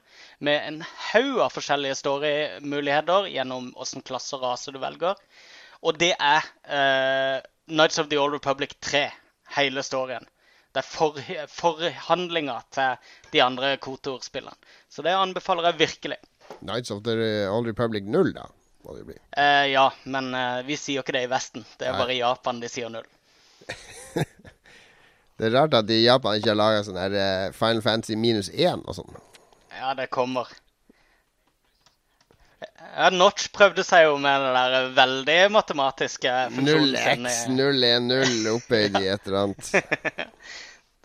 Det ble for mye, selv for oss i Vesten. Apropos uh, Notch, leste dere der brevet hans? Jeg tenkte på det. og Gud, hvor han klager og syter til en mann som er milliardær. Jeg klarer liksom ikke å ha noe særlig medfølelse. Oi, det blir mye vanskelig å være kjent. og Hvis jeg lager et spill som blir, li, li, kommer til å bli like populært som Minecraft, så skal jeg bare springe. Hva er det for noe? Dæven steike. Shut the fuck up, Notch. Jesus. Ja, Du- du Du kan ikke disse kongen av spill. Altså, Notch er eh, Han er den største helten til alle kids som spiller, og det er, eh, det er helt greit å ikke ville ha den rollen. Det er full, eh, full empati med Notch. Tim Schäfer skrev jo en uh, Send, tweet send litt penger, Notch. da, da salget gikk gjennom, så skrev eh, Tim Schäfer uh, noe sånt som at Notch solgte seg ut fordi han ble plaga av å være kjendis. Og nå, har, nå blir han i tillegg plaga av forslaget om Psychonauts 2. For det var det han opprinnelig hadde lyst til å sponse. Så nå som han har 9,7 milliarder kroner, så burde han vel kunne spytte inn noen hundre millioner til å lage eh, Psychonauts 2 med eh, double fine. Noen hundre millioner? Hvor mye penger Ja? Har, har du sett uh, budsjettene til Tim Schafer? Det, det har ikke noe å si hvor mye penger han får. Han kommer uansett til å overskride budsjettet med x antall prosent. Noen trenger å inndra noen, eh, noen eh, bedriftskredittkort fra Tim Schafer, tror jeg. Jeg Tim Schafer er spillutviklerens svar på Peter Jacobsen. Nei, føler du det? Jeg føler han er superdedikert, men han er Jeg Problemet Tim er Schafer har er- en dark eh, strippe, strippeklubbside og kokainside som ikke kommer frem i media. Ja, nå, nå må du huske du er på podkast her, Jon Cato. Oi, oi, oi. Jeg, jeg, jeg, jeg hadde lykors. Ly, lyvekors. Ja, eh, nei, vet du hva, han, han slår meg som en veldig sånn eh, kunstnerisk type. Veldig høyrehjerne og eh, bare Han er ikke i stand til å tenke økonomiske rammer og eh, struktur foran eh, det kreative. Så han That's har what vel- they all Han og Odd Nerdrum er det du sier. Tim Schafer og Odd Nerdrum. Eh, Ja, men eh, eh, forskjellen er jo at en av de bryter loven. Er- ja, men Tim Shaver Jeg har lest meg opp på Gamergate. Han bryter masse lover med å endorse disse feministene, så det her Det er bare et Hvilke lover da? Ja, men, ja, de Etiske gamerlovene om at du skal være gamer først, og så etikk eh, se. Nei ja. Nå ja, spinner vi bort i ja. tullprat Er her. La oss gå videre for- med Ja, er dere klar? Skal vi se. Martin Herfjord spør hvilket spillunivers ville vi helst levd i. Han setter sjøl en stor knapp på Pokémon. Eh, det har vi jo nesten snakka om før. Sist gang så var det hvilken karakter vi ville være. Og da ble Ja. det jo litt forskjellige svar. Larry ble nevnt, osv. Um, Animal Crossing virker jo litt kjedelig. Um, Super Meatboy-verden høres litt brutal ut. Jeg vet ikke Destiny Mm, Ja, nei, jeg vet ikke. Hvordan skulle vi levd det? Jon, ikke vær skeptisk. Det her må du svare på. Du- Jeg sitter og tenker på spillverdenen. Jeg tenker på den mest Jeg vil jo selvfølgelig ha den som er mest hipster og ukjent. Og, Ja, jeg tør jo ikke å ta noe som, som, som eh, Persona dere 1-verden, hæ? Uh, jeg ville tatt et eh, Jeg har ikke spilt noen Star Trek The Next Generation-spill, men jeg tar Det er jo ikke en spillverden, hallo! Det er jo en TV-serieverden. Du må ta noe som hører til i spillene. Jeg, går, jeg driter i hva du sier. Jeg går for Star Trek The Next Generation. Uh, litt sånn Ja, halvkommunistisk. jeg- jeg går- Jeg går for Ja, jeg, jeg vil leve i Star Wars-universet. Ja, spi, spillversjonen av Charlie og sjokoladefabrikken. Kjør på. Lars, du har avspora alt. Hva med maseffektverdenen? Kunne du ikke tatt maseffekt da i stedet for Fra eneren i stedet for eh, Star Trek, Lars? Så da bor du i et univers som snart skal gå under. 100% Nei, da sikker. Shepard redder det jo. Nei, det, jeg hadde ikke skjønt noe i den verden. Jeg hadde bare Hæ, hva er det som skjer nå? Ikke forstått en dritt. Ja. Et sted jeg ikke kunne tenke meg å leve i, hvert fall, var i denne Destiny-verden, der det ikke finnes noen bygg som ikke er ruiner. Alt er ødelagt i Destiny, har jeg merka meg. hvis du står oppe i tårnet og ser ned, så er jo den siste byen som er i Du kan jo ikke gå i den da, men den ligger Nei, du jo kan ikke det. det er, du mener den 2D-tegninga av en by? Så, men uh, det Vi kan snakke om Destiny seinere. Men uh... Vi kan snakke om Destiny senere. Jeg prøver fortvilt å komme på en, en kul spillverden å leve mitt liv i. Nei, det måtte vel bli Rockband. eh, hm? rockband Ja, det rockband er ikke det dummeste jeg har hørt. Nei, Reise rundt med, med bandbuss og turnere over hele verden. Nei, jeg, kanskje jeg skulle levd på Phobos, for den er jo befolka av leather goddesses i det berømte Ah. Infocom-spillet Leather Goddesses of Phobos. Som var R-rated pga. seksuelt innhold. Say no more! Jeg flytter til Phobos. Det var hipster nok, eh, så det holdt det der. der. Skal vi se. Ja, det var det var hipster. Det var hipster. Det er bra. Vi er for hipster her i Lolbua. Neste. Eh, Her- Herfjord igjen, ser jeg. Ja, han lurer på om vi kan lage raids med Lolbua-klanen. Og vi må igjen gjenta at hvis du søker på Lolbua på Bungie sin side, så finner dere oss. Så trykker Det dere er, join. det er fullt anledning til å bruke den nettsida, Lolbua-nettsida til alle som er medlem der, til å planlegge raid, til å poste det er forum, og du kan poste på veggen der, alle som er medlem, og få i gang raids sjøl, fordi det er jo ikke noe Dessverre så er det jo ikke noe sånn eh, clan-connection til spillet, sånn som det i, i, sånn som det er i andre skytespill. At man kan arrangere det i spillet. Men eh, det får forhåpentligvis håper det kommer. Men det er bare å arrangere sjøl. For min del så blir det sånn at jeg hopper inn og ut av Destiny av og til når jeg kan, og det er sjelden jeg kan sitte i tre-fire timer. Altså, det raider er litt uh, langt frem i tid for min del. Men, eh, men uh, det er andre. Jeg vet at uh, Sleigon 0, som er min 13 år gamle sønn på Xbox One, han spiller hver kveld, og han er med på raid. Han tror jeg har prøvd seg på raid allerede. Så han er det bare å hooke opp med. Jeg har, eh, jeg har to kompiser jeg spiller sammen med også, som Vi er vel det, Han ene er level 20, og han andre er level 20, snart 26. Jeg er 24. Og eh, vi er straks veldig klare for å være med og raide på Xbox etter hvert. Så legg til folk eh, du finner på Lolbua Klan, og så arranger raidet sjøl. Men det, du kan gjøre det på Destiny, altså på Bungie nettsida, eller bare chatte i spillet. Hvordan level, Eh, eh, hvordan level var det du sa det var, Magnus? 24? Jeg er 24. Og Jon, 24, og. Jon du er? Jeg ble vel 23 i går. Ja, da vinner jeg. Jeg ble 25 i går. Hell yeah! Ja, men jeg har ikke stått og skutt i den der Hitler-hula som viser andre. Murder Cave. Murder Cave. Murder... Jeg har Jeg å prøvde å bruke skyte på Hitlerhula i går, men det kan vi snakke om etterpå, når vi skal Ja. snakke om Destiny. Men eh, kan, jeg bare spørre om noe? For det, dette virker som flere har et problem med. Eh, det er ikke alle som får LOL etter navnet sitt, selv om de har blitt medlemmer av uh, Lolbua-klanen. Da er du ikke medlem av klanen, da er du medlem av Lolbua-gruppa. Hvis du skal ha LOL bak navnet ditt, så må du velge Set as Xbox Clan eller Set as PlayStation Clan inne i gruppa. Ja, det Hvis du kobler gamertagen din til Lolbua-klanen, så skal du få det i spillet. OK. Men du må må ha trykk på opp. Set as, as Clan, for ellers er du bare medlem av. Lolbua-gruppa, ikke klanen. Og vi må ha godkjente, ikke sant? Ja, men det, det var sånn feil med at, uh, at det gikk ikke an å godkjenne, så jeg måtte gjøre alle som skulle sette det som klan, om til admin. Men hvis det fortsatt er en bug, så ta noen og så post på veggen om det.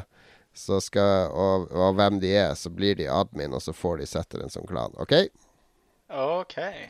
Men ja, OK, så vi må sette de opp som, eh, som admin? Ja, de som skal- Det var sånn før, men jeg trodde kanskje det var fiksa nå. Men uh, det, er bare, det er bare å skrive opp på veggen hvis du ikke får satt den som klan, så, så ordner vi deg som admin. Men har dere sett uh, Vi har et imponerende antall uh, søknader konstant på, på klanen vår. Dette Ja, vi har mange gruppa. Det er gøy å se. Der har du, Nå er Sofasatan en del av, del av Lolbua, f.eks. Det er Velkommen, Sofasatan. Ja, Sofasatan var jo en tidligere gjest. Ja, det er Jens K. Styve, vår eh, forfatter Ja, og ja, ja, tegneserieskaper. Er det det, ja? Da kan du se. Hva? Har vi flere spørsmål, eh, Lars Rikard? ja, mens dere har pratet, så har jeg fortvilt funnet frem strøm og gått og vasa rundt i stua. Skal vi se eh, eh, eh, eh. Hvordan lurer jeg eh, fruen vekk fra TV-en for å spille Destiny, spør Ole Jørgen Øverby. Jeg vet ikke. Legge noe is ned i kjelleren eller et eller annet. Is i kjelleren? Tror du tror du han er sammen med en femåring? Jeg ville prøve det. Det er min plan. Hvis du er sammen med en femåring, så kan du prøve Lars sitt eh, Eller hvis du er pedofil, så kan du prøve å lokke barna inn i kjelleren med is. Yes. Lars anbefaler å ha hvis, hvis det gjelder en femåring, så anbefaler Lars sin taktikk, som er å legge eh, is i Det, det, den men mørke det der er et kjelleren. evig problem med hvordan eh, skal du få og, Hvordan skal du få gjøre akkurat det du vil på TV-en når eh, kona, skråstrek samboeren, skråstrek kjæresten er, er i stua? Det det er, Spørsmålet er hvor mye du er villig til å ofre, og svaret er i så fall bare gjør det slutt. Så har du alt for deg sjøl. Nei da, det er Men ja, akkurat Destiny er nok en utfordring. Hvis du har en Vita, så kan du faktisk spille Destiny på Vitaen, men det er litt vanskelig å spille Det blir litt lag. Men det går an å spille hvis du bare skal spille alene og harveste litt uh, lut, eller stå og skyte inn i den Hitlerhula. Da går det fint an å spille på Vita. Da har du Vitaen din som du spiller på, og så kan kona di se på Scandal eller Grace Anatomy eller hva hun nå ser på. Eh, men hvis For andre spill eh, Jeg bruker jo ofte VU når, eh, når min kone ser på TV-en oppe. Fordi det veldig mange av VU-spillene kan jo spille rett på paden. Det er veldig kjekt. Ja. Men, og på Xboxen så kan du jo snappe. Hvis du spiller det på Xbox One, så kan du jo bare snappe TV-bildet som hun skal se oppe i hjørnet. Men det blir jo kanskje ikke stort nok for henne. Hvis du ikke Men har det ikke kommet Har det ikke kommet ennå at du får TV inn på smartglass? Nei, det kommer det kanskje. Jeg vet ikke Det om er, det har fall, kommet ennå. eh, det er i hvert fall på vei. Så da har du TV-en på, eh, på uh, iPaden. Det går jo an å ha sånn dungeon i kjelleren hvor du låser uh, både barn og kone inne. Ja, altså Det aller beste er å få deg et større sted å bo, så at du kan ha en sånn mancave der du sitter og spiller Destiny. Nettopp. Det, det er egentlig den eneste løsninga som fungerer i lengden. Det er Du trenger et et promperom.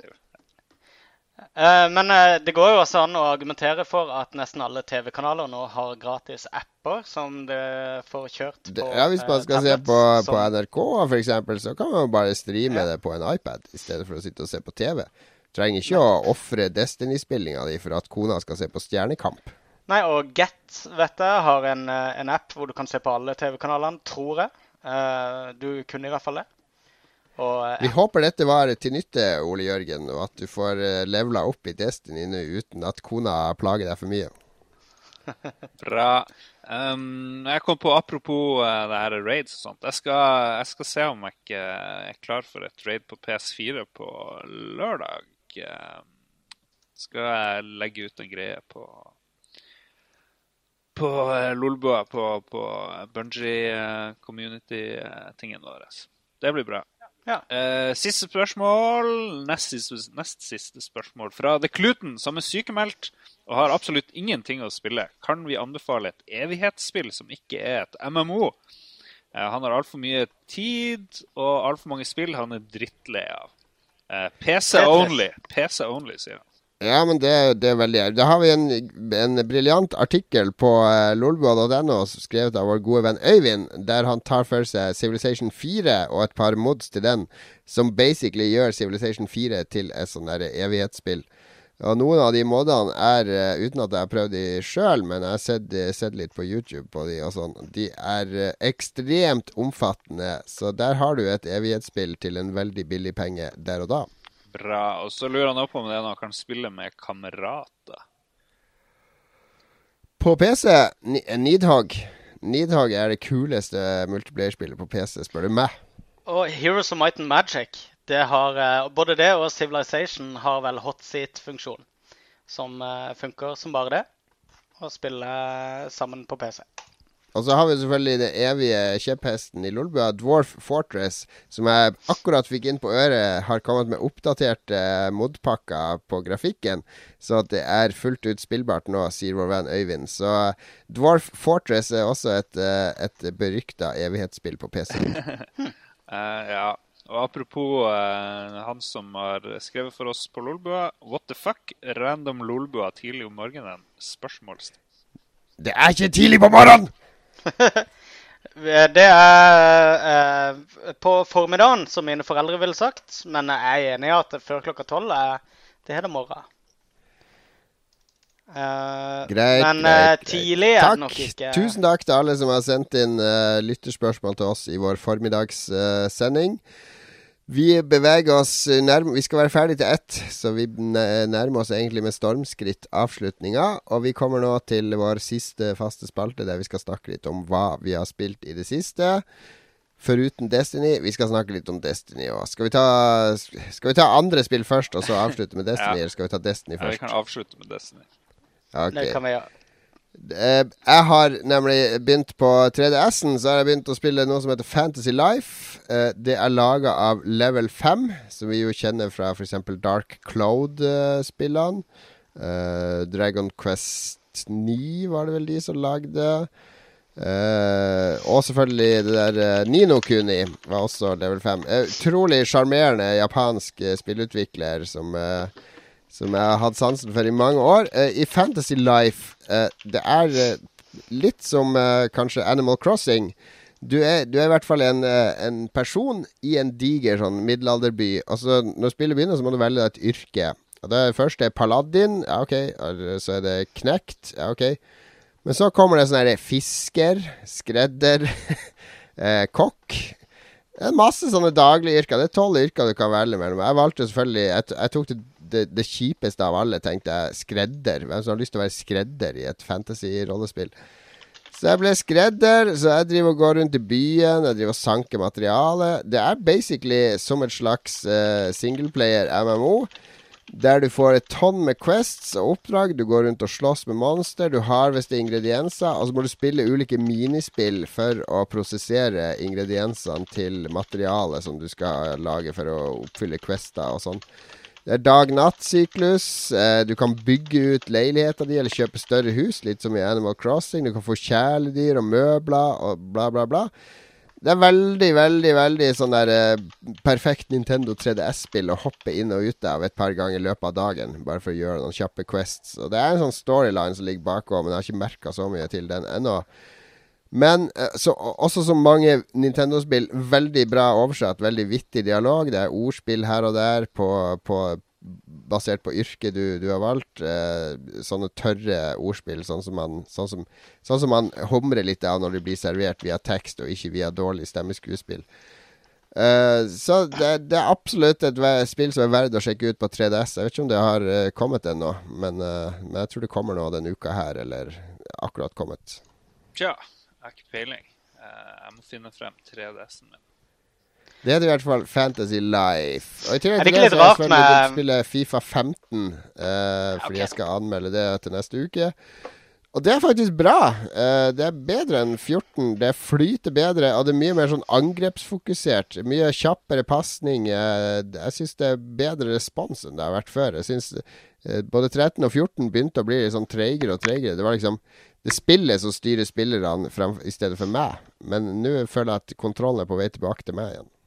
Ja, jeg klarer ikke å spille Fifa. altså. Det, jeg har prøvd hver eneste gang det kommer, men det er, det er sånn min, mitt antispill, det der Fifa. altså. Det er altfor komplisert. Jeg må ha, jeg må ha sånn her eh, kickoff på Amigaen eller et eller annet. Det går bra. Det er at jeg, jeg digger spillet. Det er dritgøy, men jeg, jeg kommer aldri inn Jeg begynner alltid rett på de tutorial-oppdragene og sånne ting. Og, og, jobber meg nesten gjennom de og får sånn masse gullmedaljer. Du spiller Fifa, så du spiller et MMO, du? Nei, nei, men så inne, nei, for å lære meg liksom, sånn Det er jo bare passe og skyte. Det er jo, det er jo, det er jo ikke det lenger. Det er jo I det som er greia. Er det, og så kan du bygge på etter hvert. Ja, det er altfor ja, men det er helt umulig å komme noen vei i spillet hvis du spiller helt basic. For det er lagt opp til å Du må kunne drible Når du litt. starter spillet nå, så går den ut fra at du ikke kan noe som helst. Og den starter med å måle de tre første kampene. Da måler han hvor mye du kan, og så legger han vanskelighetsgraden deretter. Det er flott å høre. Ja. Da må jeg tilbake igjen. Jeg lager jo alltid meg sjøl og setter meg sjøl inn på start. Og skal jobbe meg oppover oh, i verden som internasjonal okay, Ja, eh, fotballspiller. Jeg vet ikke om du klarer å få de så lave. Da. Det er sånn minus. Jo, jo, det er det laveste, tror jeg det går an å velge der. Ja, Ja. jeg er vel høyere enn Messi, eh, Har du, så det er har du leta frem helium, uh, Harstad idrettslag? Er dem Nei, men apropos Heal. Jeg, jeg lagde jo også sånn her retrospalteinnslag retrospalte-innslag til Level Up om Sensible World of Soccer. Uh, og da, da måtte jeg jo tilbake og spille det spillet en del. Og det husker jeg når jeg, var, når jeg spilte Jeg spilte mye Sensible Soccer når det var nytt på Amiga. Og da lagde jeg jo hele Heal. Jeg satt med kampprogrammet til Heal og la inn alle spillerne og riktig hårfarge og drakter. Og så for jeg og- la inn Gråfjord og alle de som de spilte mot òg, sånn, sånn at jeg kunne gjenskape de spillene i spillet. Men Sensible World of Soccer var sinnssykt vanskelig å begynne å spille det igjen, fordi det er så utrolig reaksjonsbasert og kjapt. Og det, det nytter ikke å tenke sånn tre-fire pasninger frem, eller at nå skal jeg prøve meg på vingen her.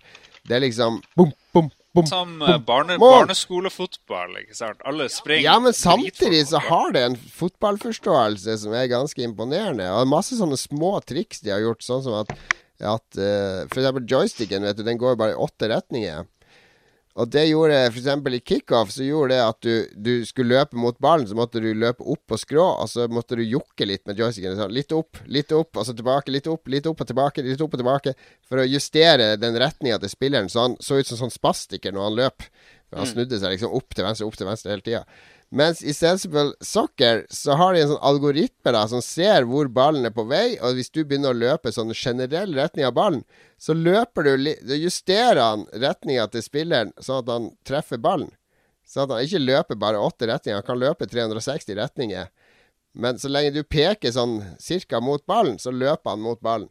Og det er sånn du egentlig ikke legger merke til når du spiller det, før du tenker over at jøss, yes, han, han løper jo faktisk der jeg vil at han skal løpe. Ja. Nei, jeg prøvde å spille på CD32-en på, på en av de compilation-diskene. Og det var jo det var helt vilt å, å hive seg i gang med det der greia.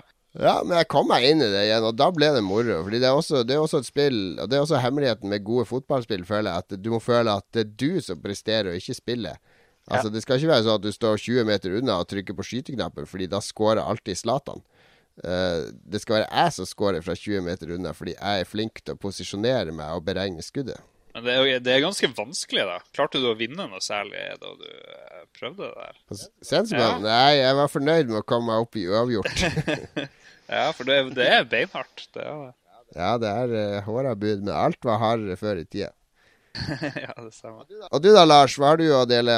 Nei, jeg har egentlig ikke så jævla mye å dele. Har du kasta deg på Desert Golfing-trenden nå? Ja, det er jo det der enkle mobilspillet hvor du bare har eh, masse sand og et hull, og så skal du liksom slå opp i hullet, og så det, er liksom, det regnes ikke noe særlig poeng, og jeg har ikke funnet noe toppliste eller noe. Det er bare å slå av gårde i deserten der når du har litt tid til overs.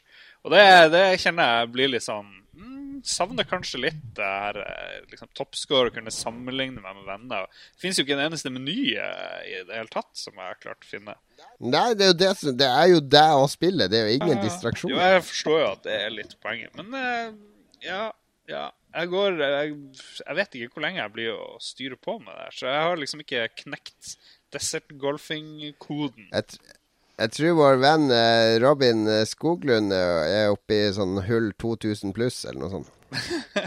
Men hva er, hva er motivasjonen? Han har fått rød himmel, og det er annen farge på sanda og sånn. Det har sånn gradvis endra seg over 2000 hull. Men jeg har jo lyst til å begynne på nytt igjen, ikke sant? og det får jeg ikke lov til. Fordi det står Ja, det jo oppe i skjermen, det er det eneste som står, hvor mange slag du har brukt, og så står det på Men det er jo det som er high når, når du har kommet til 1000 hull nummer 200, så kan du sammenligne det med meg. Du kan du spørre meg hvor, hvor mange slag har du på uh, ditt hull. Du kan regne ut snittet sjøl, ikke sant. Da har du en high score-liste. Men de første hullene så skjønte jeg jo ikke hva som skjedde, så da hadde jeg jo helt elendig score. Uh, så jeg har liksom lyst til å begynne på Da nytt. må du hente deg inn på se... Det er, det er jo likt for alle, Jeg for guds skyld. Jeg vet. I, I know. Nei, jeg skjønner poenget. Jeg skal, jeg skal holde på. Nei, Men mediter, i- det er så golfing. Det spiller jeg hver dag. tar jeg et par hull der. Det er perfekt sånn der eh, sitte på Det dass-spillet. er det som har vært greia. That's the shit. Og eh, vi kan snakke om det til slutt. Magnus, har du spilt noe annet enn Destiny? Uh, ikke så mye annet. Eh, det, har jo, det har jo selvfølgelig gått 99% i Destiny. Men uh, jeg fikk uh, uh, Gamergate av Forza Horizon 2 her forleden i posten. som jeg spilte i noen timer. Jeg er jo ikke noe veldig racer på bilspill. Men har vi lov å prate eh, om det her greia? Det lurer nå jeg på. Eh, er det ikke sånn her eh, Jo, men jeg har ikke tenkt å si noe om spillet ennå. Ja, okay. Jeg bare sier at jeg har spilt det. Ja. Eh, Jeg tenkte jeg skulle bare sikre at det Gamergate-forholdet ditt til eh, Microsoft holder seg på høyeste nivå. ja, riktig, riktig. Det det, du har den der mailutvekslinga med han Thomas i Microsoft at hvis du sender meg det, så lover jeg å nevne det på podkasten. Så nå har ikke nevnt Ikke sant? Men eh, ja, hva annet har jeg spilt? da? D4 har jeg så vidt vært innom. En veldig forvirrende eh, fem minutter i D4. Uh, hvor jeg rakk å skru av Kinect-kontrollene, som er helt grusomme. Eh, og derfor blir jeg stuck i tutorialen fordi jeg ikke var i stand til um, å snu meg i noen retninger med skulderknappene. For det var noe som ikke funka helt med kontrolleren. I hvert fall i mitt tilfelle. D4 er det nye Swery-spillet man som lagde Deadly Premonition. Altså, Oh, yes. Det er laga for Kinect, altså. Det er veldig dumt å skru av Kinect-kontrollen. Nei, for det, det som er greia, da, er at eh, jeg er jo eh, en kjent eh, eh, forkjemper Eller jeg er ikke en kjent forkjemper, men jeg er som kjent en forkjemper av Kinect som verktøy på konsollene. Men Ja. jeg er veldig glad i stemmestyringa. Men Ja. den der håndkontrolleringa er helt grusom. Men slår du av Kinect òg når du skal spille Dance Central? Eh, jeg spiller ikke Dance Central, men det ville jeg ikke gjort der, nei. Nei, men, Men du, kan, tingene- det, du kan spille D4 uten Kinect, men det tror jeg noe han måtte legge inn i siste liten, fordi at de nå har begynt å selge Xbox uten Kinect. Ja. Men det, det, og det, det er ikke meningen at... at du skal spille sånn, så Nei, hvis du holder ut litt med Kinect, så får du den opplevelsen sånn som han har laga den, i stedet for å, å ha sånne nykker som, som, eh, og krav som du må endre spillet på for å spille det på din måte. Men du, kjære vene, det er jo ikke det det er snakk om. Jeg ble sittende og vime rundt i menyen eh, ganske lenge og prøve å treffe eh, accept-knappen ved å veive med armene sånn her eh, rundt omkring, og ja, så det lønner lukke seg å holde hånda deg på ganske i riktig ro sted. hvis du skal treffe den knappen. Ja, det er akkurat det som er problemet. Eh, så du, du sitter basically og spiller med armene ut i været. Uh, jeg, Eller rett opp langs sida funker for meg. Ja, det er i hvert fall veldig sånn. ukomfortabelt. Veldig Det er uvant. Jeg er ikke helt fornøyd med den stillinga sjøl, men det, det, på, for Det er kommer sånn quicktime-events der du skal slå unna asjetter og alt mulig som blir kasta mot deg. Da er det veldig det gøy å, å vifte de bort eh, i den retninga de kommer fra, sånn, i stedet for å trykke A, trykk X, trykk R. Men jeg spilte iToy Play i 2001, som på en måte allerede har avfeid behovet mitt for Ikke sammenlign det her med for å knuse tallerkener du, som du, du har ikke spilt gjennom tutorialen engang, så vi burde Nei, og det er jo fordi at det er ikke lagt inn eh, at eh, det er så mye bugs i den der uh, kontrolleroppsettet at at jeg kom ikke så langt. Men jeg syns i hvert fall at det å styre rundt på en cursor med fingrene, eller med hendene, det funker veldig dårlig med Kinect. Og eh, det burde være mulig, og også til vanlig på Xboxen, å skru av bevegelseskontroll. For noen ganger når jeg tar opp en kopp, f.eks., så tror eh, Xboxen mens jeg sitter i Netflix at nå har jeg lyst til å velge et annet sted på filmen jeg ser på. Men du vet at i options så kan du slå av bevegelseskontroller mens du ser film. Eh, breaking news, Eh, folkens. Uh, det visste jeg ikke. Ja. Embargoen på Forsa Horizon 2 uh, gikk ut klokka ni i dag morges. eller noe Okay. Ti. Så det er eh, bare å eh, kjøre på. Ja. Du har eh, fire minutter på deg, da rekker vi ikke å snakke Destiny. Det var i hvert fall det jeg skulle si, at det ligger en haug med anmeldelser ute på nettet i dag. Eh, eh, men uh, som sagt, jeg har ikke spilt nok på den til egentlig å gjøre meg opp en mening om det. Og jeg er ingen racer. Uh, ja, jeg måtte nesten gjenta pønnen min fordi jeg var så fornøyd med akkurat den. Men det, det, hva, hva, skal jeg si? Jeg trivdes i den uh, spillverdenen. Jeg syns det var kult hvordan de har lagt det opp uh, rundt en sånn her uh, klein uh, ultrahipp musikkfestival slash oh, bilracingfestival. Akkurat sånn som Motorstorm, var ikke det samme greia, nesten? Ja, kanskje det. Men de har, de har, i hvert fall gjort sånn at du kjører fra by til by, og du kan konstant utfordre disse Hva er det for noe? Drivetarene til andre spillere. Og, og, det er litt kult at, eh, at, vennene dine dukker opp, eller de fra vennelista di dukker opp i virtuell eh, eh AI-forstand eh, i racene du er med i. For selv om du vet at dette er ikke de sine tiår, eh, det er ikke de sine biler, det er ingenting, men annet enn bare navnet de sitt på de forskjellige sjåførene, så føler du likevel at du racer det. Så det er litt viktigere å slå han, f.eks., for fordi du har en eller annen rivalisering eh, i andre spill med den personen. Så det var veldig gøy. Henter de, er... de drivertaren fra Forsa 5, da? Eh... Jeg tror de bare henter det fra vennelista di. Ja, fordi, eh, fordi, det var jo sånn drivertar-greier i Forsa 5. Der er det liksom. Ja, riktig. Det er jo samme prinsippet, da, vil jeg tro. Jeg spilte jo aldri Forsa 5. Uh, men jeg er jo dritdårlig i bilspillmarkedet. Uh, jeg må jo tilbake igjen. Uh, for spillet er kjempekult. Veldig responsive kontrollere. og Veldig mange av de racerne Plutselig så skal du bare kjøre av veien, og så, så kjører du i full fart i sportsbil over en kornåker.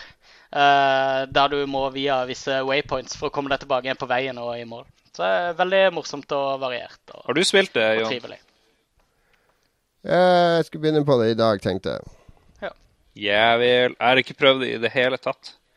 Men da må vi nesten være ferdig, tror jeg. Da det tror jeg vi er ferdig. Klokka er ett på ett. ett på ett. Vi skal aldri være så presise. Men vi må slutte å nevne det klokkeslettet. De som hører på podkasten, de aner jo ikke hva klokka vi spiller inn. De ja, da er de skikkelig skuffa over vår uprofesjonalitet eh, i podkasten. Ja, send mail til jon, at gmail.com. Ja, og gjerne send til den adressen. Nei, det har vært uh, Det er litt fint med formiddagssending, er det ikke det? Hva sier jeg? Det er litt fint med formiddagssending, er det ikke det? Ja da. Jo da. Selv om jeg måtte stå opp tidlig. tidlig? Vet ikke hva tidlig er for noe. Uh, nei, det er um, uh, Vi har hatt uh, høy stemning i dag. Vi har erklært MMO-spillene for å være i koma, om ikke død. Ja, og bli med i vår uh, ja. Lolbua-klan i Destiny. Bli med i vår Lolbua-klan på Destiny. Gå på bungee.net og søk etter den. Uh, vi er også straks kuratorer i, uh, i Steam. Um, det kommer vi til å legge ut en sak om på nettsida vår i morgen eh, og snakke mer om i neste sending. Fordi eh, alle vet jo at Steam er jo en jungel av møkk. Og hvem bedre til å guide deg gjennom møkken enn Lolbuas ekspertise, eller hva? Ja. Og Lolbua er sponsa av Peggy2 og radcrew.net. vi er evig sponsa av Radcrew. Eh, følg oss på Twitter at Lolbua, eh, Facebook Søk opp Lolbua, så finner du oss der òg. Du finner oss også på Steam nå som gruppe hvis du søker på Lolbua. Du finner oss på bungee.net hvis du søker på Lolbua. Hvor ellers har vi spredd bua? Uh, på google.com så kan du søke på Lolbua. Hvis det er lov å si spre bua. det hørtes nesten perverst ut. og følg oss selvfølgelig på lolbua.no. Vi høres igjen Vi har ikke noe MySpace. Vi høres igjen neste Det blir, det blir Giga-Lolbua neste uke. Det er høstferie, og det er vel gigakon òg neste uke. Jeg vet ikke om noen av oss skal dit, men vi kommer i hvert fall til å snakke om det. Så hør innom neste uke. Vi ses og høres. Ha det bra. Ha det.